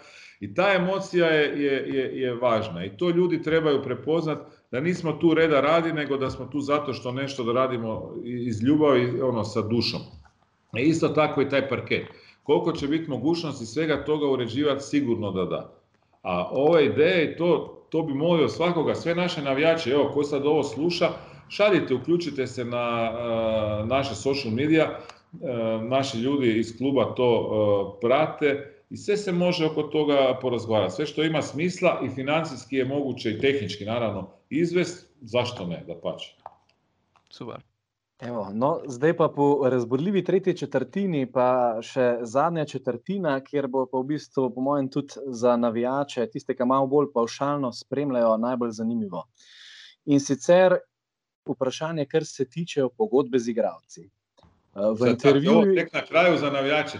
Oče, ako je ovo bilo do sad malo dosadno, možda ni neće dočekati. Ne, kraj. ne, to je bilo za, fan, za fanatike je bilo tisto bolj uh, drobovino, ne? zdaj pa za paušalne navijače. Ne? Uh, večkrat ste rekli, pač uh, so bila vprašanja, kar se tiče Mangoka Matijanga, hm. in tudi, da obstaja interes, da se bo, kljub temu, da ga še nismo videli na parketu, interes podaljšanja pogodbe. Uh, In uh, v bistvu nas pa zanima, kako je zdaj s temi bodočimi igravci. Včeraj ste nas zelo lepo presenetili s podaljšanjem pogodbe z, Jurico in smo bili res zelo veseli. Zdaj pa mogoče, kako še kaže z glavnimi akteri, Murič, Peri, vse kaj dogaja. A dogaja se, mi smo već sad, mislim već sad, praktički to je kontinuiran posao gdje radimo na pripremi sljedeće sezone.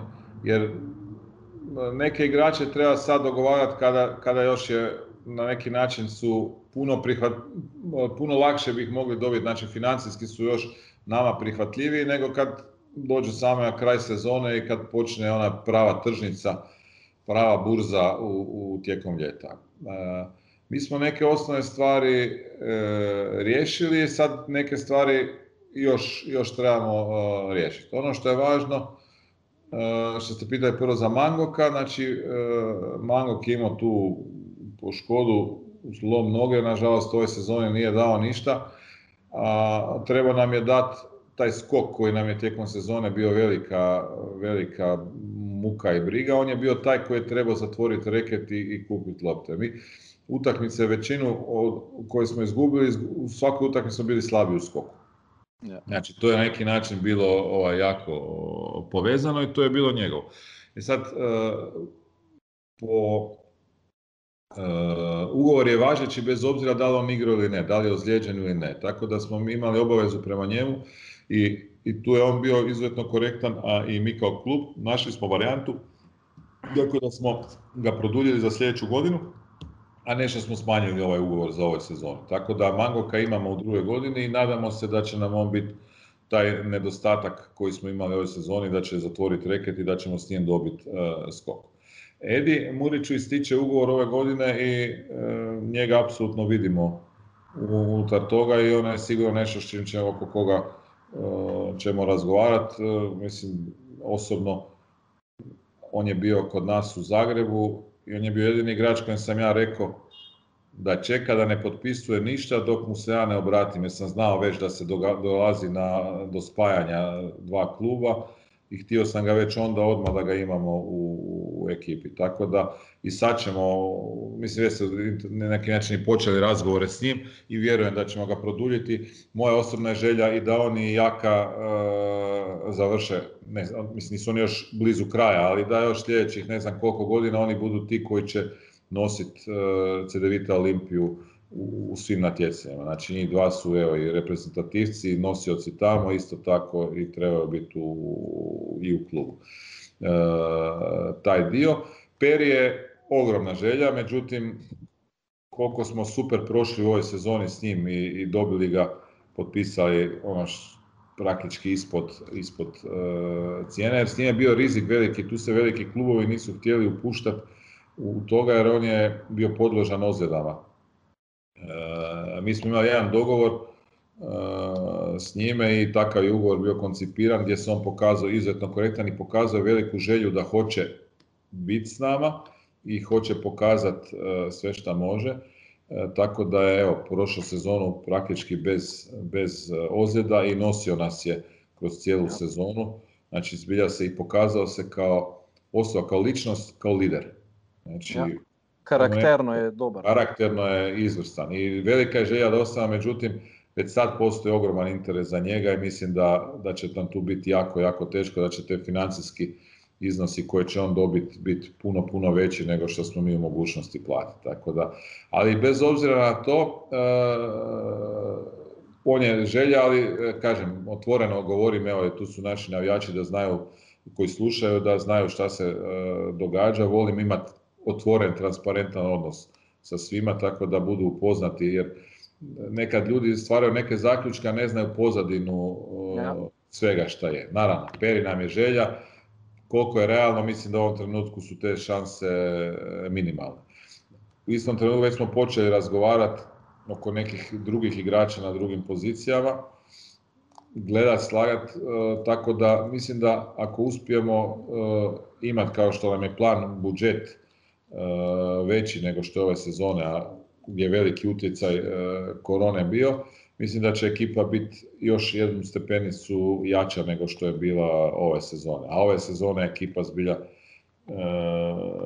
dosta kvalitetna i, i, dobra. U sve pehove koje smo imali, i Lo Mangokove noge, i ne znam, Marinkovićeve i e, raznih bolesti, a ok, koronu neću spominjati jer su i svi drugi klubovi u koroni, tako da je, makar smo mi kod te korone najlošije prošli. Evo, moram to reći, mi smo toliko uložili puno, e, od početka nam je, znači to sad je već godinu dana, znači ono prošle sezone, čim se to sve pojavilo, mi smo dosta rigorozne stvari poduzeli u klubu, velike kontrole, e, razdvajanje prvo poslovnog dijela od sportskog dijela, pa treneri s maskama, pa stalno čišćenje, pranje, ono. Onda kad je krenula jesen, mi smo jednog kvalitetnog igrača mogli dovesti za novac koji smo potrošili na, na testiranje i na sve moguće pretrage ali to nam je dalo da mi nismo imali veliki udar. Znači, prvo kad se dogodilo na prvoj utakmici protiv, čekaj, više sad sam sad zablokirao sam Eurokupa kad je bilo, kad nam je u poluvremenu javljeno da nam je jedan igrač e, pozitivan i kad smo morali, cijela ekipa je morala ići u izolaciji, To je bilo Skrko. Skrko, Kr, tako. Krka, ja, Krka, onda smo, ja, ja sam više na tekmi takrat. Ne, Krka, pardon, ne, sad sam zablokirao. Krka je bila i onda su i oni morali ići isto u ovaj karantenu. Jer tad su bile, uh, ovaj, zakon je bio takav uh, epidemiološki da svi koji su bili u okruženju moraju ići u, u izolaciju. I tad smo mi vidjeli da ta, na taj način jednostavno ne možemo, ne možemo raditi. I onda smo mi krenuli sami u brze testove s kojima bi brzim testovima pripremali se ako je neko pozitivan da ne ide na, na PCR test i tu smo mi izbjegli da nismo imali više ni jedan slučaj da smo svi odjedno morali ići u izolaciju i karantenu. karantenu. Tako da je s te strane to bilo dobro, ali to je jako puno košlo. Neki od igrača su sad i, i stožera preko 50 puta bili testirani. testirani. Znate, to već njima su nosevi... trita, trita lukna. Uska napa. Pa ja mislim do mozga mora već. Tako nekako. Tako da, ono više, ali to je bio jedini način. I sad šta, koji smo imali nesreću? Nesreća je bila ta da se nama dogodilo pet puta da su nam odgođene utakmice gdje su druge ekipe bile e, druge ekipe pozitivne. I to je jednostavno, nešto što nije ono baš loša, loša uh, sreća. Nažalost, to je dio natjecanja takvi koji jesu, u tome smo jesmo. Žao mi je najviše utakmice sa, u Beogradu sa Crvenom ja, zvezdom. Ja. Tad smo baš bili u top formi. Oni su bili u padu i e, mislim, teško je reći da bi sigurno pobjedili, ali tad smo imali onak realnu šansu zbilja da, da možemo ovaj, pobijediti. I mi se sad šalimo, ali makar u toj šali ima i malo istine, da su oni iskoristili što stvarno su imali pozitivnog igrača, e, da pobjegnu da, od te utakmice jer su se bojali da ne zgube. Ne. Ali evo, takve su propozicije, ne mogu tome kad je pitanje bolest nikom ništa ovaj, e, zamjeriti, ali lijepo to zvuči, možemo se na taj način dobro šaliti. Na koncu sve se vrati, sve se plati. A ja se nadam da će tako ovaj, Ok, pa zdaj, glede na to, da ste že odgovorili tudi na ta del vprašanja o ukrepih in na testih in vsem tem, bi mogoče kar naprej vprašal, um, poleg športnih uh, tekmovalnih rez rezultatov, kaj klub dobi od državnega prvenstva, kaj od ABA lige in kaj od Eurokupa. To mislimo predvsem v smislu finančnih nagrad, povrnenih stroškov za organizacijo, marketinškega prostora, TV pravice. Da, to vam je organizirano je na jedan način da sad kad vi gledate koliko dobijemo novaca, ne dobijemo i puno novaca. Znači, ali ABA liga je praktički besplatna liga. Znači, mi nemamo nikakve troškove što se tiče organizacije natjecanja. Znači, ured koji radi, koordinira ABA ligu je za nas besplatan. E, suci, troškovi suđenja ovoga su besplatni. E, putovanja su pokrivena bila od prošle sezone i ovo ja mislim bit će pokrivena 100%. Znači nama ostaje organizacija domaće utakmice, e, kako se zove, znači dvorana plus zapiški stol, to je nešto što plaća. Sve ostalo u ABA ligi je, je, je besplatno i još mislim da ovako ako bude, e, da će u budućnosti ćemo dobijati, da će klubovi dijeliti dobit koja, koja će biti. Znači liga je prošle godine bila pozitivna, i vjerujem da će biti e, isto tako i ove godine. Mi kao suvlasnik lige tu ćemo dobiti novac. Što se tiče Eurokupa, imamo određene nagrade ovisno o plasmanu. Znači to su neke marketinške, marketinški bonusi, ali to su sve iznosi ne, ne preveliki. Znači mi ako uđemo u četvrt finale, to će biti jedan, a mislim, to, znači to ne, to ne prelazi 100.000 eura, to je manje od toga ali u isto vrijeme također je ured, znači organizacija natjecanja, kotizacija je, je besplaćna, suci su besplaćni, znači mi nemamo nikakve te troškove. To je inače ogroman, ogroman trošak koji je. Tako da s te strane smo mi kao klub nemamo tu neke dodatne e, troške koji se tiču, troške koji se tiču tih natjecanja, to je dosta, dosta dobro. U FIBI je drugačiji način, tamo klub dobije novac, ali mora onda plaćati te neke druge e, stvari. Tako da ne mogu sad reći šta je kako je bolje, ali ovo je, ovo je vrlo, vrlo dobro.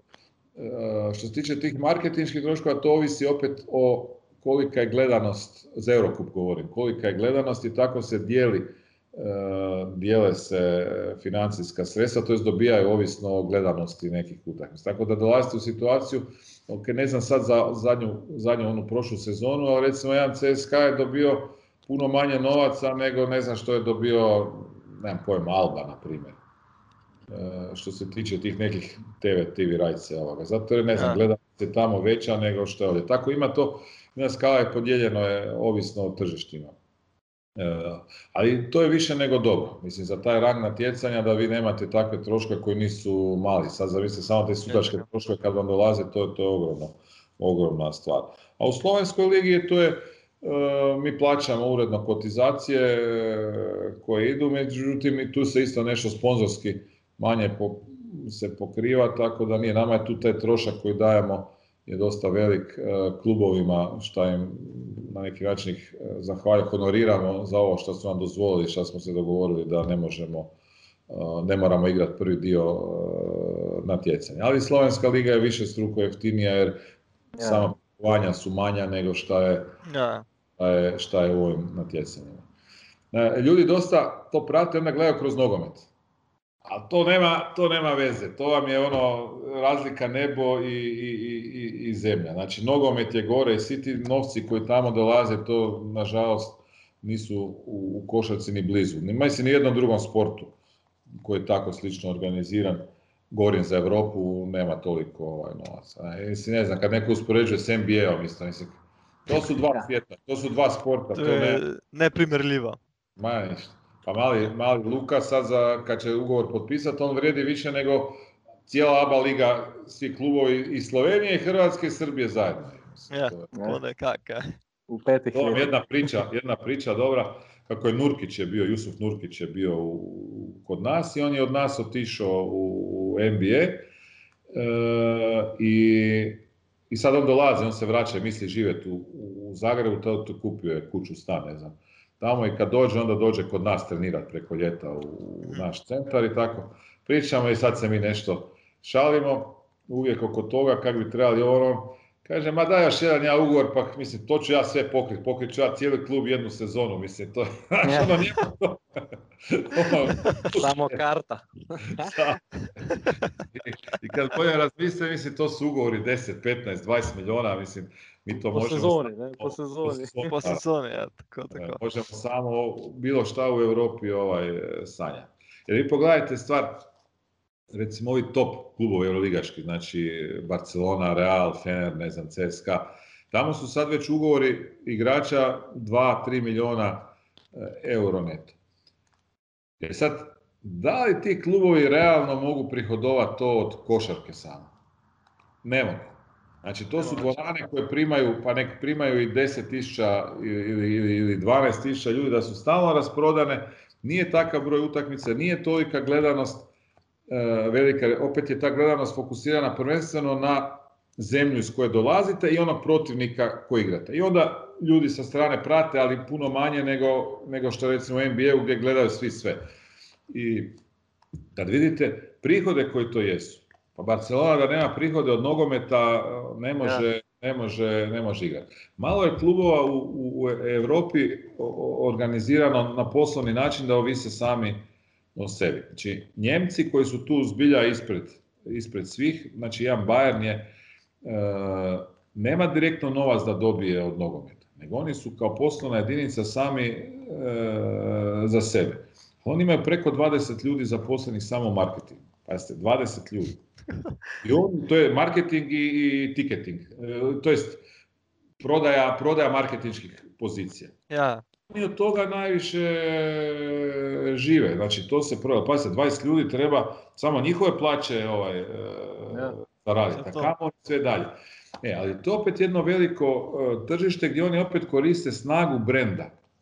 Znači, brenda koji je, taj brend je podijeljen ali FC Bayern. FC Bayern je to top. Isto što Barcelona, znači kao sportsko društvo vi imate ukupne prihode, i, i sportsko društvo onda daje, normalno, nogomet dobija najveći dio, ali ide nešto za košarku, ide nešto za rukomet. Jer nema šanse da oni, oni, oni naprave e, takve e, prihode kroz prodaj ulaznicu TV rajca ili marketinška. Jednostavno, to su veliki iznosi za evropsku košarku. Da, da. Pa najbolji primjer je sad vidite Tur, Tursku i, Rusiju. Mislim, kako je ova kriza i ovo došlo, jednostavno budžeti su se odjednom uh, smanjili. Ne, neće se prepolovili ali ne ide, jednostavno ne možeš ti to pratiti jer poduzeća su pala ili država više nema toliko novaca da, da jednostavno plati toliko koliko bi e, htjela i treba. Kako so bili v bistvu tudi zmožni prejšnje sezone, ne? tako da veliko klubov je ravno zdaj ta situacija zelo tudi prizadela. Je. Tako da ja, kar Robert nadaljuje. Ja, v bistvu. Kakš... Sad je peta četrtina. O, zdaj ja, smo ja, neš, neš, proti neš, koncu, že skoraj. Ja. Zaključujemo tekmo. Koliko imamo četrtina? Šest, sedem. Pri nama se da raztegniti tudi na osem, devet. Zelo zanimivo. Štiri plus overtime. Um, kakšne so pa pričakovanja, kar se tiče proračuna uh, za naslednjo sezono? Uh, kot zanimivost, opazili smo, oziroma en od navijačev je opazil, je možno, da imamo novega sponzorja oziroma partnerja Riko, Znači, Ribnica. Da, Riko nam je ovogodišnji sponzor. E, mi puno radimo na tome. Znači, e, vidjeli ste, prošle godine smo imali e, Gorensku banku, ove godine nemamo banku, mislim da za sljedeću sezonu, i tu smo već u pregovorima, da nam fali nam banka, fali nam neki možda tehnični sponzor, mislim da tu i velikih, možda neki Samsung ili nešto od toga tipa, ne znam ja sad šta govoriti, plus ima još tih e, velikih poduzeća unutar Slovenije. Mi bi htjeli, kad bi moglo se dobiti jedna želja je, naravno gorenje da se tu ovaj, e, uključi i kada bi se našao još takva kao banka neka još 3-4 sponzora, mislim da bi imali jedan izuzetno kvalitetan jak pool sponzorski gdje bi onda mogli polako iz godine u godinu rast. Ono što je važno, važno je da su naši sponzori ostali uz nas i u ovoj sezoni kad je teško. Znači ja evo, koristim svaki put priliku i, i ovog puta ću se zahvaliti e, svima njima što su prepoznali projekt, što su ostali uz nas, s time da puno njih nije u, u tako dobroj poslovnoj situaciji kao što je bilo prije korone. Znači na dosta njih je situacija utjecala, ali opet su ostali ostali uz klub jer vjeruju, vjeruju u projekt i misle da zajedno možemo napraviti jedan dobar, dobar brand, dobar klub. Tako da to je, to je velika stvar u ovom trenutku. Isto tako se nadam da će ostati u sljedećoj sezoni. Mi sa nekim glavnim sponzorima imamo višegodišnje ugovore, a neki su opet na, na jednu godinu, jednu sezonu i, i sad nam je, evo, otvaramo već razgovore s njima za sljedeću godinu, jer to nam je čak i važnije nego čak i važnije nego neko, neko neki igrač. Jer ja mogu s igračima razgovarati, ali ako nismo nekog sponzora dogovorili, onda nemamo od čega ga Ja ne možeš plaćati s papirjem. A ne želimo, ne želimo se dovesti u situaciju da imamo dugove ili nešto da ugrožavamo neku, neku budućnost. Mislim, nismo ni mi sad, mi još uvijek polako to rješavamo i vi imate kroz sve to kako novac dolazi nekad i nekih mjeseci koje moramo preskočiti s plaćanjem, pa onda to nadoknađujemo u sljedećem mjesecu. Ali pokušavamo do početka sljedeće sezone, znači cilj nam je kad počne nova sezona da onda da smo platili sve iz obaveze iz, iz prošle sezone. To je neki put kako smo imali prije i kako, kako je želja i sada. Tako i to igrači su se već, mislim govorim to prvenstveno sad iz prošlosti CDVite naši kako, kako ja, evo i prošla sezona kako je bila igrači naučeni da možda neka plaća i bude E, kasnila i ne bude na, na vrijeme, što je sasvim normalno i nemaš kontinuirane prihode, ali znaju do kraja sezone da će im biti sve ovaj, isplaćeno. I to je super stvar, zato nemaju igrači više straha da ako dođu da neće kojim slučajem dobiti e, novac. I tako pokušava zatvarati sezonu u smislu financijskih koliko to je, e, toliko da možemo potrošiti. No, potem... je i da će budžet, nadam se, biti sigurno nešto e, veći. E, teško je sad tu govoriti koliko i šta još u ovom trenutku, jer osnovno je pitanje da li će se otvara dvorane, da li će biti gledalaca ili ne. To će jako puno ovaj, utjecati, jer jedno je vezano uz drugo. Nadam se da će cijepljenje ovo sve pomoć i da ćemo se uskoro, ovaj, a to je već uskoro, to je za pola godine malo više, vidjeti svi zajedno u dvorani upamo tudi mi dva sva naklonjena na tej ideji. A ne mogu reći koliko mi je žao, ma svima nama u klubu da ovo protiv Virtusa nema gledalca. Ah, ja. Kot bi v podcastu se bomo zmagali. Rekl, po domače povedal. Jebi ga, ne. Ja, je, je. To bi bila velika stvar. S tom zmagom, s tom zmagom smo mi u četvrt finalu onda, znate. I nama ja, u budućnosti nam, uh, ta utakmica sa budućnosti nam onda ništa ne znači. Ja. Zelo pomembna tekma. Ne?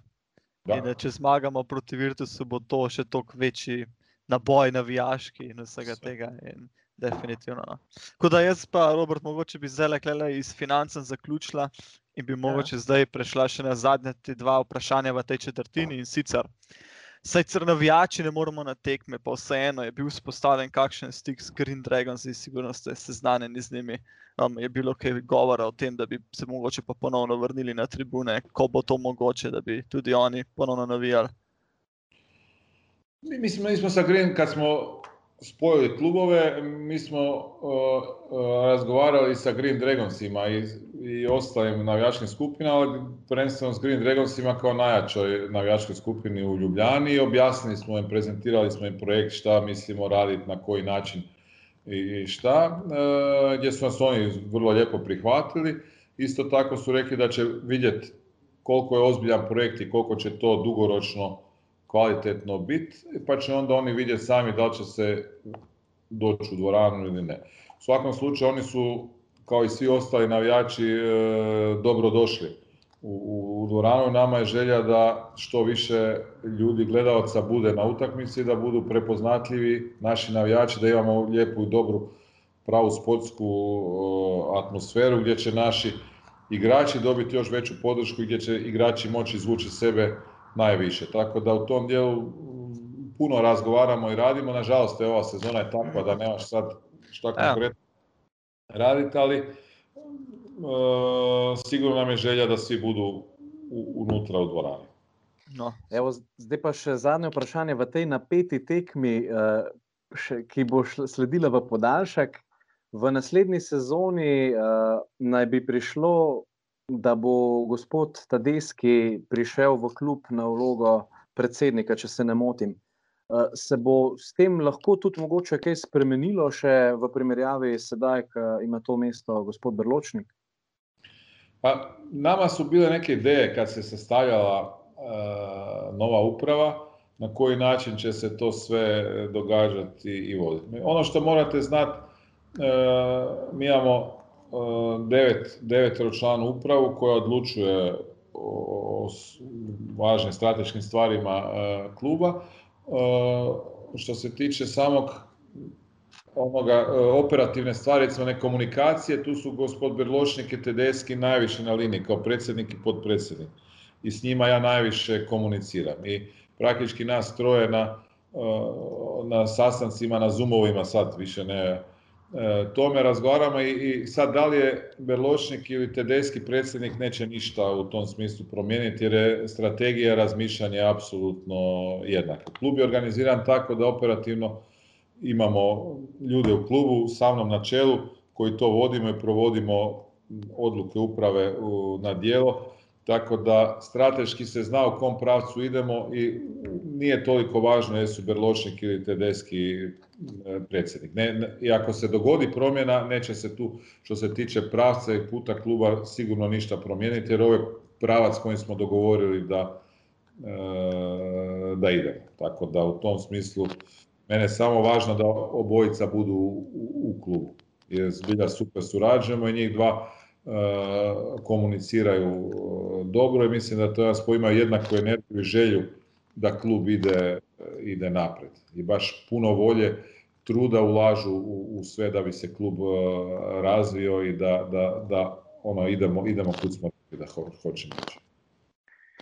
Evo, no pa smo nekako prekrutili do konca tekme, ampak eh, potem imamo tukaj le še podaljške, v katerih v bistvu dobijo besedo najni poslušalci.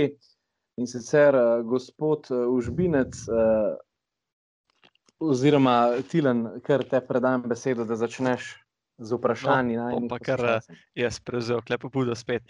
Uh, kakšne vloge imajo direktori v klubu, koliko se on osebno meša v športni del, predvsem pa kakšno vlogo ima tehnični direktor Krešimir Novosel? Znači, klub je organiziran tako da ima, ima svoje direktore, mislim, management nije važno, sad ali direktor, voditelj, to je čak samo funkcija, nije, nije važno. imamo upravu kluba, s kojom najviše, mislim, ovisi o potrebi, ali komuniciram ja. I operativno sam ja odgovoran za svu situaciju, sve stvari koje se događaju u klubu, pa to uključuje i, i sportski dio. S time da Sportski dio, naravno, tu je Sani je taj koji je odgovoran i e, koji kreira, razgovara, razmišlja oko igrača i, i, i samog sportskog natjecanja. Naravno, uz njega je tu i, Jurica, e, gdje i oko igrača na kraju nas trojica odlučujemo, uključujemo gdje ja moram odobriti neke stvari što se tiču financijskog aspekta, Sani što se tiče strategije kluba, a Jurica onoga što nam je trenutno e, potrebno. Tako da to, na primjer, sad ako bi dovodili nekog mladog igrača, to ćemo više se uključiti, koje gledamo dugoročno, e, Sani, Sani i ja, ali ako gledamo nekog kratkoročno koji nam sad treba, tipa kad je Mangok slomio nogu, kojeg ćemo igrača, naravno da je tu su Jurica i Sani glavni odgovorni, tu imaju auto, ono, autonomiju da mogu odlučiti, naravno u sklopu budžeta koji sam e, odobrio, e, odlučiti kojeg igrača će dovesti. U tom dijelu su oni ono znaju šta, šta je naj, najpotrebnije. Evo i pokazalo se ove godine, recimo baš konkretan primjer, sa Johnson smo napravili pun pogodak. On nije isti tip igrača kao što je Mango, ali smo neku drugačiju rotaciju napravili tako da je Hop bio Hopkins između dvije pozicije, 4 e, i 5, bio je prije zamišljat će više biti na, na četvorci, sad je Jones koji je ono, primarna četvorka, e, došao na tu poziciju i evo kako je sezona odmicala, tako je sve, sve bolje i bolje bio i pokazao se super e, pogodak. Isto tako Hopkinsa je, konkretno je Sani pronašao koji je ispod radara igrač bio. I on realno igra za igra puno, puno kvalitetnije e, nego šta, šta su od njega drugi očekivali i za budžet koji, koji za, je dobio. Znači to su neki igrači koji se, što sam vam rekao, bio na početku sada traže u ovom dijelu sezone. Po neki on igrao u, u, u Rumunjskoj. On je bulgarske lige igrao, mislim. Da. Bulgarskoj, za Rumunjska je tamo. I mi sami kad ga je on otkrio, mi smo ga onda snimali, gledali, krenuli odmah u razgovor, evo gledajte, imamo ugovor i sljedeću sezonu s njim i on se pokazao zbilja kao e, pun pogodak. I u tom dijelu je odličan dečko, dobro se snaša. E to je sad uloga Sanje o tom oko nekih tih strateških stvari gdje treba se na dugoročno pomoć. Naravno, tu je trener izuzetno važan, ali događa se nekad kad mi smo bili u nekoj zoni kad nemaš trenera, jer si nešto između, tako da tu je sportski direktor izuzetno važan. Isto tako oko omladinskog pogoda tu je uloga Sanja, tu imamo Šiška koji je šef omladinskog u, u, ovome u, Ljubljani i imamo Marina Baždarića koji koordinira i Zagreb i, i Ljubljanu. Znači to je jedan spoj zbilja tima opet za omladince koji prate. Znači Baždarić je taj koji treba proći cijelu regiju, a na neki način cijelu Europu i, i pronaći uh, igrače koji će biti uh, za nas. Naravno, tu onda sa sportskim direktorom, to se sve rešava i konačnici onda sjedamo svi zajedno i taj dio gledamo. Krešo Novosel je kao tehnički direktor, on nam je osoba koja je zadužena, baš samo ime govori za sve tehničke e, stvari. Taj znat Krešo je bio e, direktor kluba u, Zagrebu, nakon toga je bio četiri sezone direktor ABA lige i on je zbilja sa golemim iskustvom što se tiče e, kontakata, poznavanja propozicija, natjecanja, svega toga. E, tako da njegova je uloga da ispoštujemo sve tehničke propozicije, uvjete koje treba, pripremamo se u budućnost ono što će nositi neke promjene i svi kontakti sa ABA ligom mislim svi primarni kontakti s ABA ligom i Euroligom e, idu, idu u prvom koraku preko, e, preko njega. On zbilja ima jako dobru poziciju i prepoznatljivost e, tamo, tako da nam to daje jednu ogromnu, baš ogromnu snagu. Sve opet stvari gdje smo se mi ojačali i mi smo već organizacijski praktički spremni za Euroligu. Znači to je jedan nivo gdje od vas Euroliga zahtijeva određene pozicije koje morate imati e, pokrivene. I mi smo sad klubski praktički pokrili sve e, što se toga tiče i zadovoljavamo već danas e, preduvjete da možemo ići tamo. Ono kad ja kažem organizacijski smo mi top, naravno top da, level, ja. top level, da ima tu stvari koje se trebaju svakodnevno još raditi, raditi jer nije to sad baš da se sjedneš i da se sve napravio kako treba, ali, ali zbilja idemo i dobro. I to su sve neke stvari koje ste vidjeli gdje mi sa Euroligom i ABA ligom imamo vrlo dobru ovaj, e, poziciju, a to je ono što i, i Krešo ja smo dugo, dugo godina već u, u svemu tome i onda jednostavno znamo gdje i šta kako treba raditi. Vidite i za samu ABA ligu, gdje je Krešo tu izuzetno isto važan, e, mi smo zajedno sa budućnosti Zvezdom i Partizanom klubovi koji na neki način e, se pitaju za najviše stvari i gdje komuniciramo i ne možemo mi ništa donijeti sami ovaj odluku, naravno mora većina klubova u ABA ligi, ali to su klubovi koji na neki način usmjeravaju gdje i kako će ići kluba i rješavaju, rješavaju ključne, ključna pitanja lige a to je ta pozicija koja se godinama uh, gradila. Evo, ne znam, tu je, da li još možda, evo, mogu reći par informacija, znači mi još imamo gospođu koja, koja nam vodi dugo godina financije, koja je tu već praktički u klubu uh, dvadesetak, možda i više godina. Uh, knjigovodstvo imamo vanjski servis, Isto tako pravna služba nam je vanjski, imamo mlade, mlade snage koje nam rade ticketing i, i, i marketing i sa strane još imamo onda uh, partnere koji nam rade jedan dio sales. I da, tu su onda još neki tehnički troje ljudi koji rade tehničke stvari koje su uz pomoć organizacije putovanja, uh, opreme, slaganja, pranja i svega toga. Zelo zelo dobro Mislim, odgovor. Mislim, jako puno, a u stvari nas, nas je jako malo. Znate, kad je, ja. je, veliko količina dela, malo ljudi nosi. Ne? Da, tako. No, da. tako. Um, no, potem bi šli pa kar na naslednje vprašanje. V državnem prvenstvu prenose dela Šport Klub, Vaba, TV Arena Šport, v Eurocup pa Šport TV. Fan Olimpije mora imeti dostop do vseh treh, da lahko gleda tekme Olimpije. Ka, kakšen je vaš pogled na to situacijo, glede na to, da nimamo vsi dostopa do vseh lik eh, na televizijskih programih? Ne?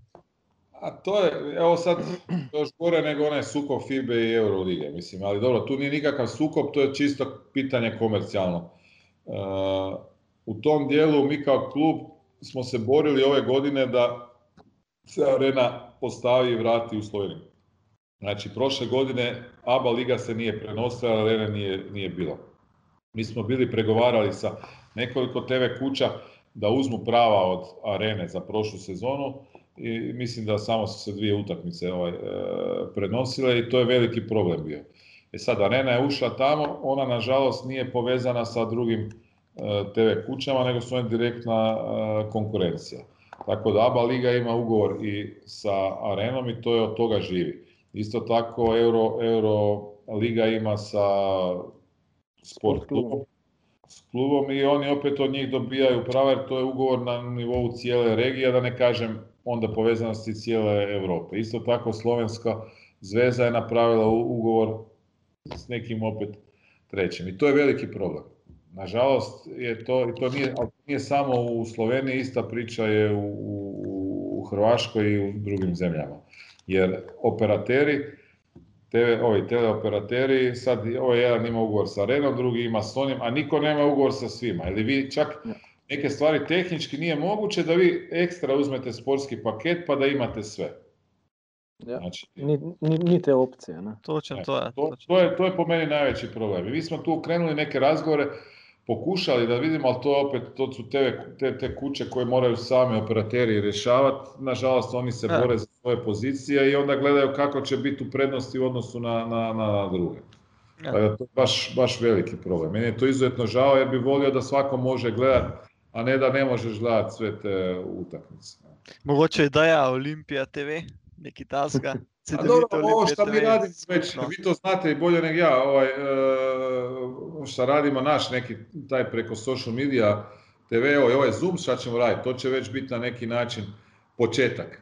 Pa ćemo, Da. ćemo raditi knjigu, vi ćemo onaj, evo ga, Tine i Robert su ovaj, na- bili prvi početnici TV od CDVita Olimpije. Evo, super. no, potem pa še zadnje vprašanje. In sicer, glede na to, da ste bili vrsto let tudi del vodstvene strukture v Zagrebu, kako primerjate sprejetost v okolje, naklonjenost lokalnih oblasti Zagreb proti Ljubljana? Kakšno imate kaj um, mnenje glede sprejetosti in ali ste zadovoljni uh, s tem? Govorite za, za Spre- Sprejetje kluba. Sprejetje kluba, kako smo mi, navijači, sprejeli klub, oziroma nasploh. Ja. Da, da, plus, Ma ne, ja sam tu izuzetno ovaj, e, zadovoljan. E, pogotovo ovoj sezoni kad su krenuli ti rezultati. Kad smo došli, bilo je jako puno straha, pitanja. Jednostavno ljudi nisu to gledali dosta ozbiljno. Rekli su još jedan projekt kako je bio zadnje godina i taj će proći, ne bude ništa. Međutim, kako su se stvari odvijale, kako su dani i dani prolazili, e, vidjela se ozbiljnost. Znači, mi nijednim korakom nismo pokazali da se zaustavljamo, da idemo naprijed, nego smo uvijek bili ispred. I pogotovo sad u ovoj sezoni kad je to krenulo, kad se vidio kontinuitet druge e, sezone, kad su još krenuli i rezultati koji su u kontinuitetu bili dobri. S njime, nas je prošle godine, mi smo imali super rezultate na početku, govorim za ABA ligu. Eurocup, nažalost, nam je falilo malo, mislim, to su par utakmica u kojima izgubite na, mi smo izgubili praktički četiri utakmice na jednu loptu. Ja, ja. Ja. A jedna ta bi nam dala plasman u drugi krug. Tu je onako, to je, to je nedostajalo. Ta jedna, jedna, jedna pobjeda je ulazak tamo. ABA liga smo super stavili do januara. I onda u januaru one četiri poraza, mislim, jedna utakmica da smo pobjedili, mi bi bez problema bili među četiri u, u. u ABA ligi. Ovako se do kraja, dobro, liga nije završena pa se nije znalo da bi bili u polufinalu ili, ili ne bi. E, tako da smo bili. Ali sad kako su rezultati ovaj, jako dobri, ovaj plasman uh, u top 16 Euro kupa, o tome se piše. Ja mislim da kako će se i sljedeća sezona nastaviti u tom kontinuitetu, da će zbilja još veća biti e, podrška od, od navijača i ovih. Generalno, ljudi s kojima sam ja u, u, u kontaktu, znači od nekih sponzora, od nekih klubskih prijatelja, partnera, oni to gledaju izuzetno pozitivno. Znači, iz početka isto onako i mene su doživljavali ko sam, šta sam, onda kad su vidjeli na koji način predstavljam ja i, i svi oko mene e, klub, su svaki dan je sve više ljudi koji hoće biti uz nas i pomoći raditi i, i, i dati neki doprinos da bi klub išao naprijed. Tako da s te strane je, je, je super. Ja vidim da se samo čeka da se malo iskoči s tim rezultatom i da će se ljudi jednostavno vratiti. A kako ćemo mi kroz godine i sportski držati, organizacijski klub jačat, raditi brand, mislim da će to biti još samo bolje i bolje. A već sam sad, kažem, zbilja e, zadovoljan. No što je, moramo znati, što i ja nisam iskreno ovaj, znao, da je zbilja prošla Olimpija je dosta otišla nisko. Ja nisam znao da u zadnjih deset sezona e, je Olimpija samo dva puta bila prvak Slovenije. Ja. Ja, ja sam iskreno nisam. Mislim da su bili 6-7 najmanje, najmanje puta. Ono, nisam o tome obraćao pažnju. I onda kad gledam nije mi to bilo ovaj, uh, jasno. Mi smo ono u Zagrebu CDVita i samo tu zadnju sezonu nismo. Mi imali smo niz od, od pet uh, i pet prvenstava i kupova i svega i Euroliga, sve što je bilo. I tu je CDVita bila na puno višem nivou, sportskom govorim, nego što je bila uh, Olimpija. Ja sam, evo, ono ima osjećaj, znaš, stalno je, stalno je tu da je barem u Sloveniji ovaj, uh, drugačije. Znam da je bila Krka, Tajfun i ne znam ko sve nije, Primorska, ali opet mi se nije činilo da baš dva puta. Sada je dva puta, znači to vam je zbilja interes i zanimanje pada za košarku. Ja mislim, kad si to... Tako, ja. tako je. Tako da je trebalo sve to ovaj, na neki način uh, vratiti. To ne znači da ćemo mi sad biti stalno prvaci, nije ni bit da bude. Ja, ja sam najsretniji, ok, da od deset puta mi budemo većinu, ali da budu i drugi klubovi, jer to znači da je liga uh, jaka. Da ima pa da je napredovala, ne? Napredovala je tako, baš tako. E, to sad, evo, velika je šteta recimo ovo za Primorsku, mislim, tako da sve to utječe, utječe na, na stanje oko kluba jer je slabi interes za, za košarku. Ostala je samo uz nas, mislim, na jednom nivou sad uh, Krka. Ja bih volio da budu barem još dva kluba u ABA dva ligi jer to daje slovenska mislim, ne, da, da budu, to daje jednu ozbiljnost, a daje jednu, jednu, jednu snagu. U tom dijelu onda puno više se piše i priča o, o košarci. Tako da, kako će se sve vrijeme prolaziti, mislim da će interes biti još veći. Ovo za sada je dobro, ali je to na jednom manjem nivou. Sad nije to još uvijek onaj top nivo, jer nismo još došli na to da se vratimo. Ali sad su sve komentari, sve pozitivni i pozitivni. Čak i oni skeptici, od nekih novinara koji su na početku bili toliko ovaj protiv, sad odjednom su najveći pobornici. Ja. Podržatelji. Kot, kot smo že ugotovili, takrat, ko se zmaguje, bi bili radi vsi zraven. Ne? Da, tako je. Evo, ne boste verjeli, ampak dejansko smo na koncu. smo kraju, konec. Ja. Tako je. Še v bistvu vprašanje, kako ste se počutili kot gost v najnem podkastu, Jako lijepo, jako ugodno. Evo, baš, baš sam se dobro gledao. Sada smo dva sata pričali. Kao prava tekma. Prošlo, prošlo mi je ovako u roku hip. Znači da je, da je bilo vrlo zelo, zelo interesantno. Mi, nadam se da je vama bilo u redu. Super, nadam se da nisam super. previše pričao, da nisam previše se ovaj... Ne, ne, nikoli ni preveč. Tako da bi se vam na tem mestu rada zelo zahvalila. Tilen, zdaj pa še klasika, ki naj jo v bistvu lahko najdejo. Evo, najni poslušalci. Spremljate naj na... Tile, ja sam, nisam Tile. Jaz sem Tilen, on je Robert, ja. Ne, Robert znam, ali nisam da je Tine Tile, nisam bio siguran. Tile, oprosti. Ja, ni panike, ni panike. V glavnem, spremljate naj na vseh družabnih omrežjih, Facebook, Instagram, Twitter, um, uh, podcast blokada, brez presledka. Uh, pa na vseh podcast platformah, Simplecast, Apple Podcast, Google Podcast, Spotify, v glavnem, vseh dealerjih podcastov, tam smo mi dva.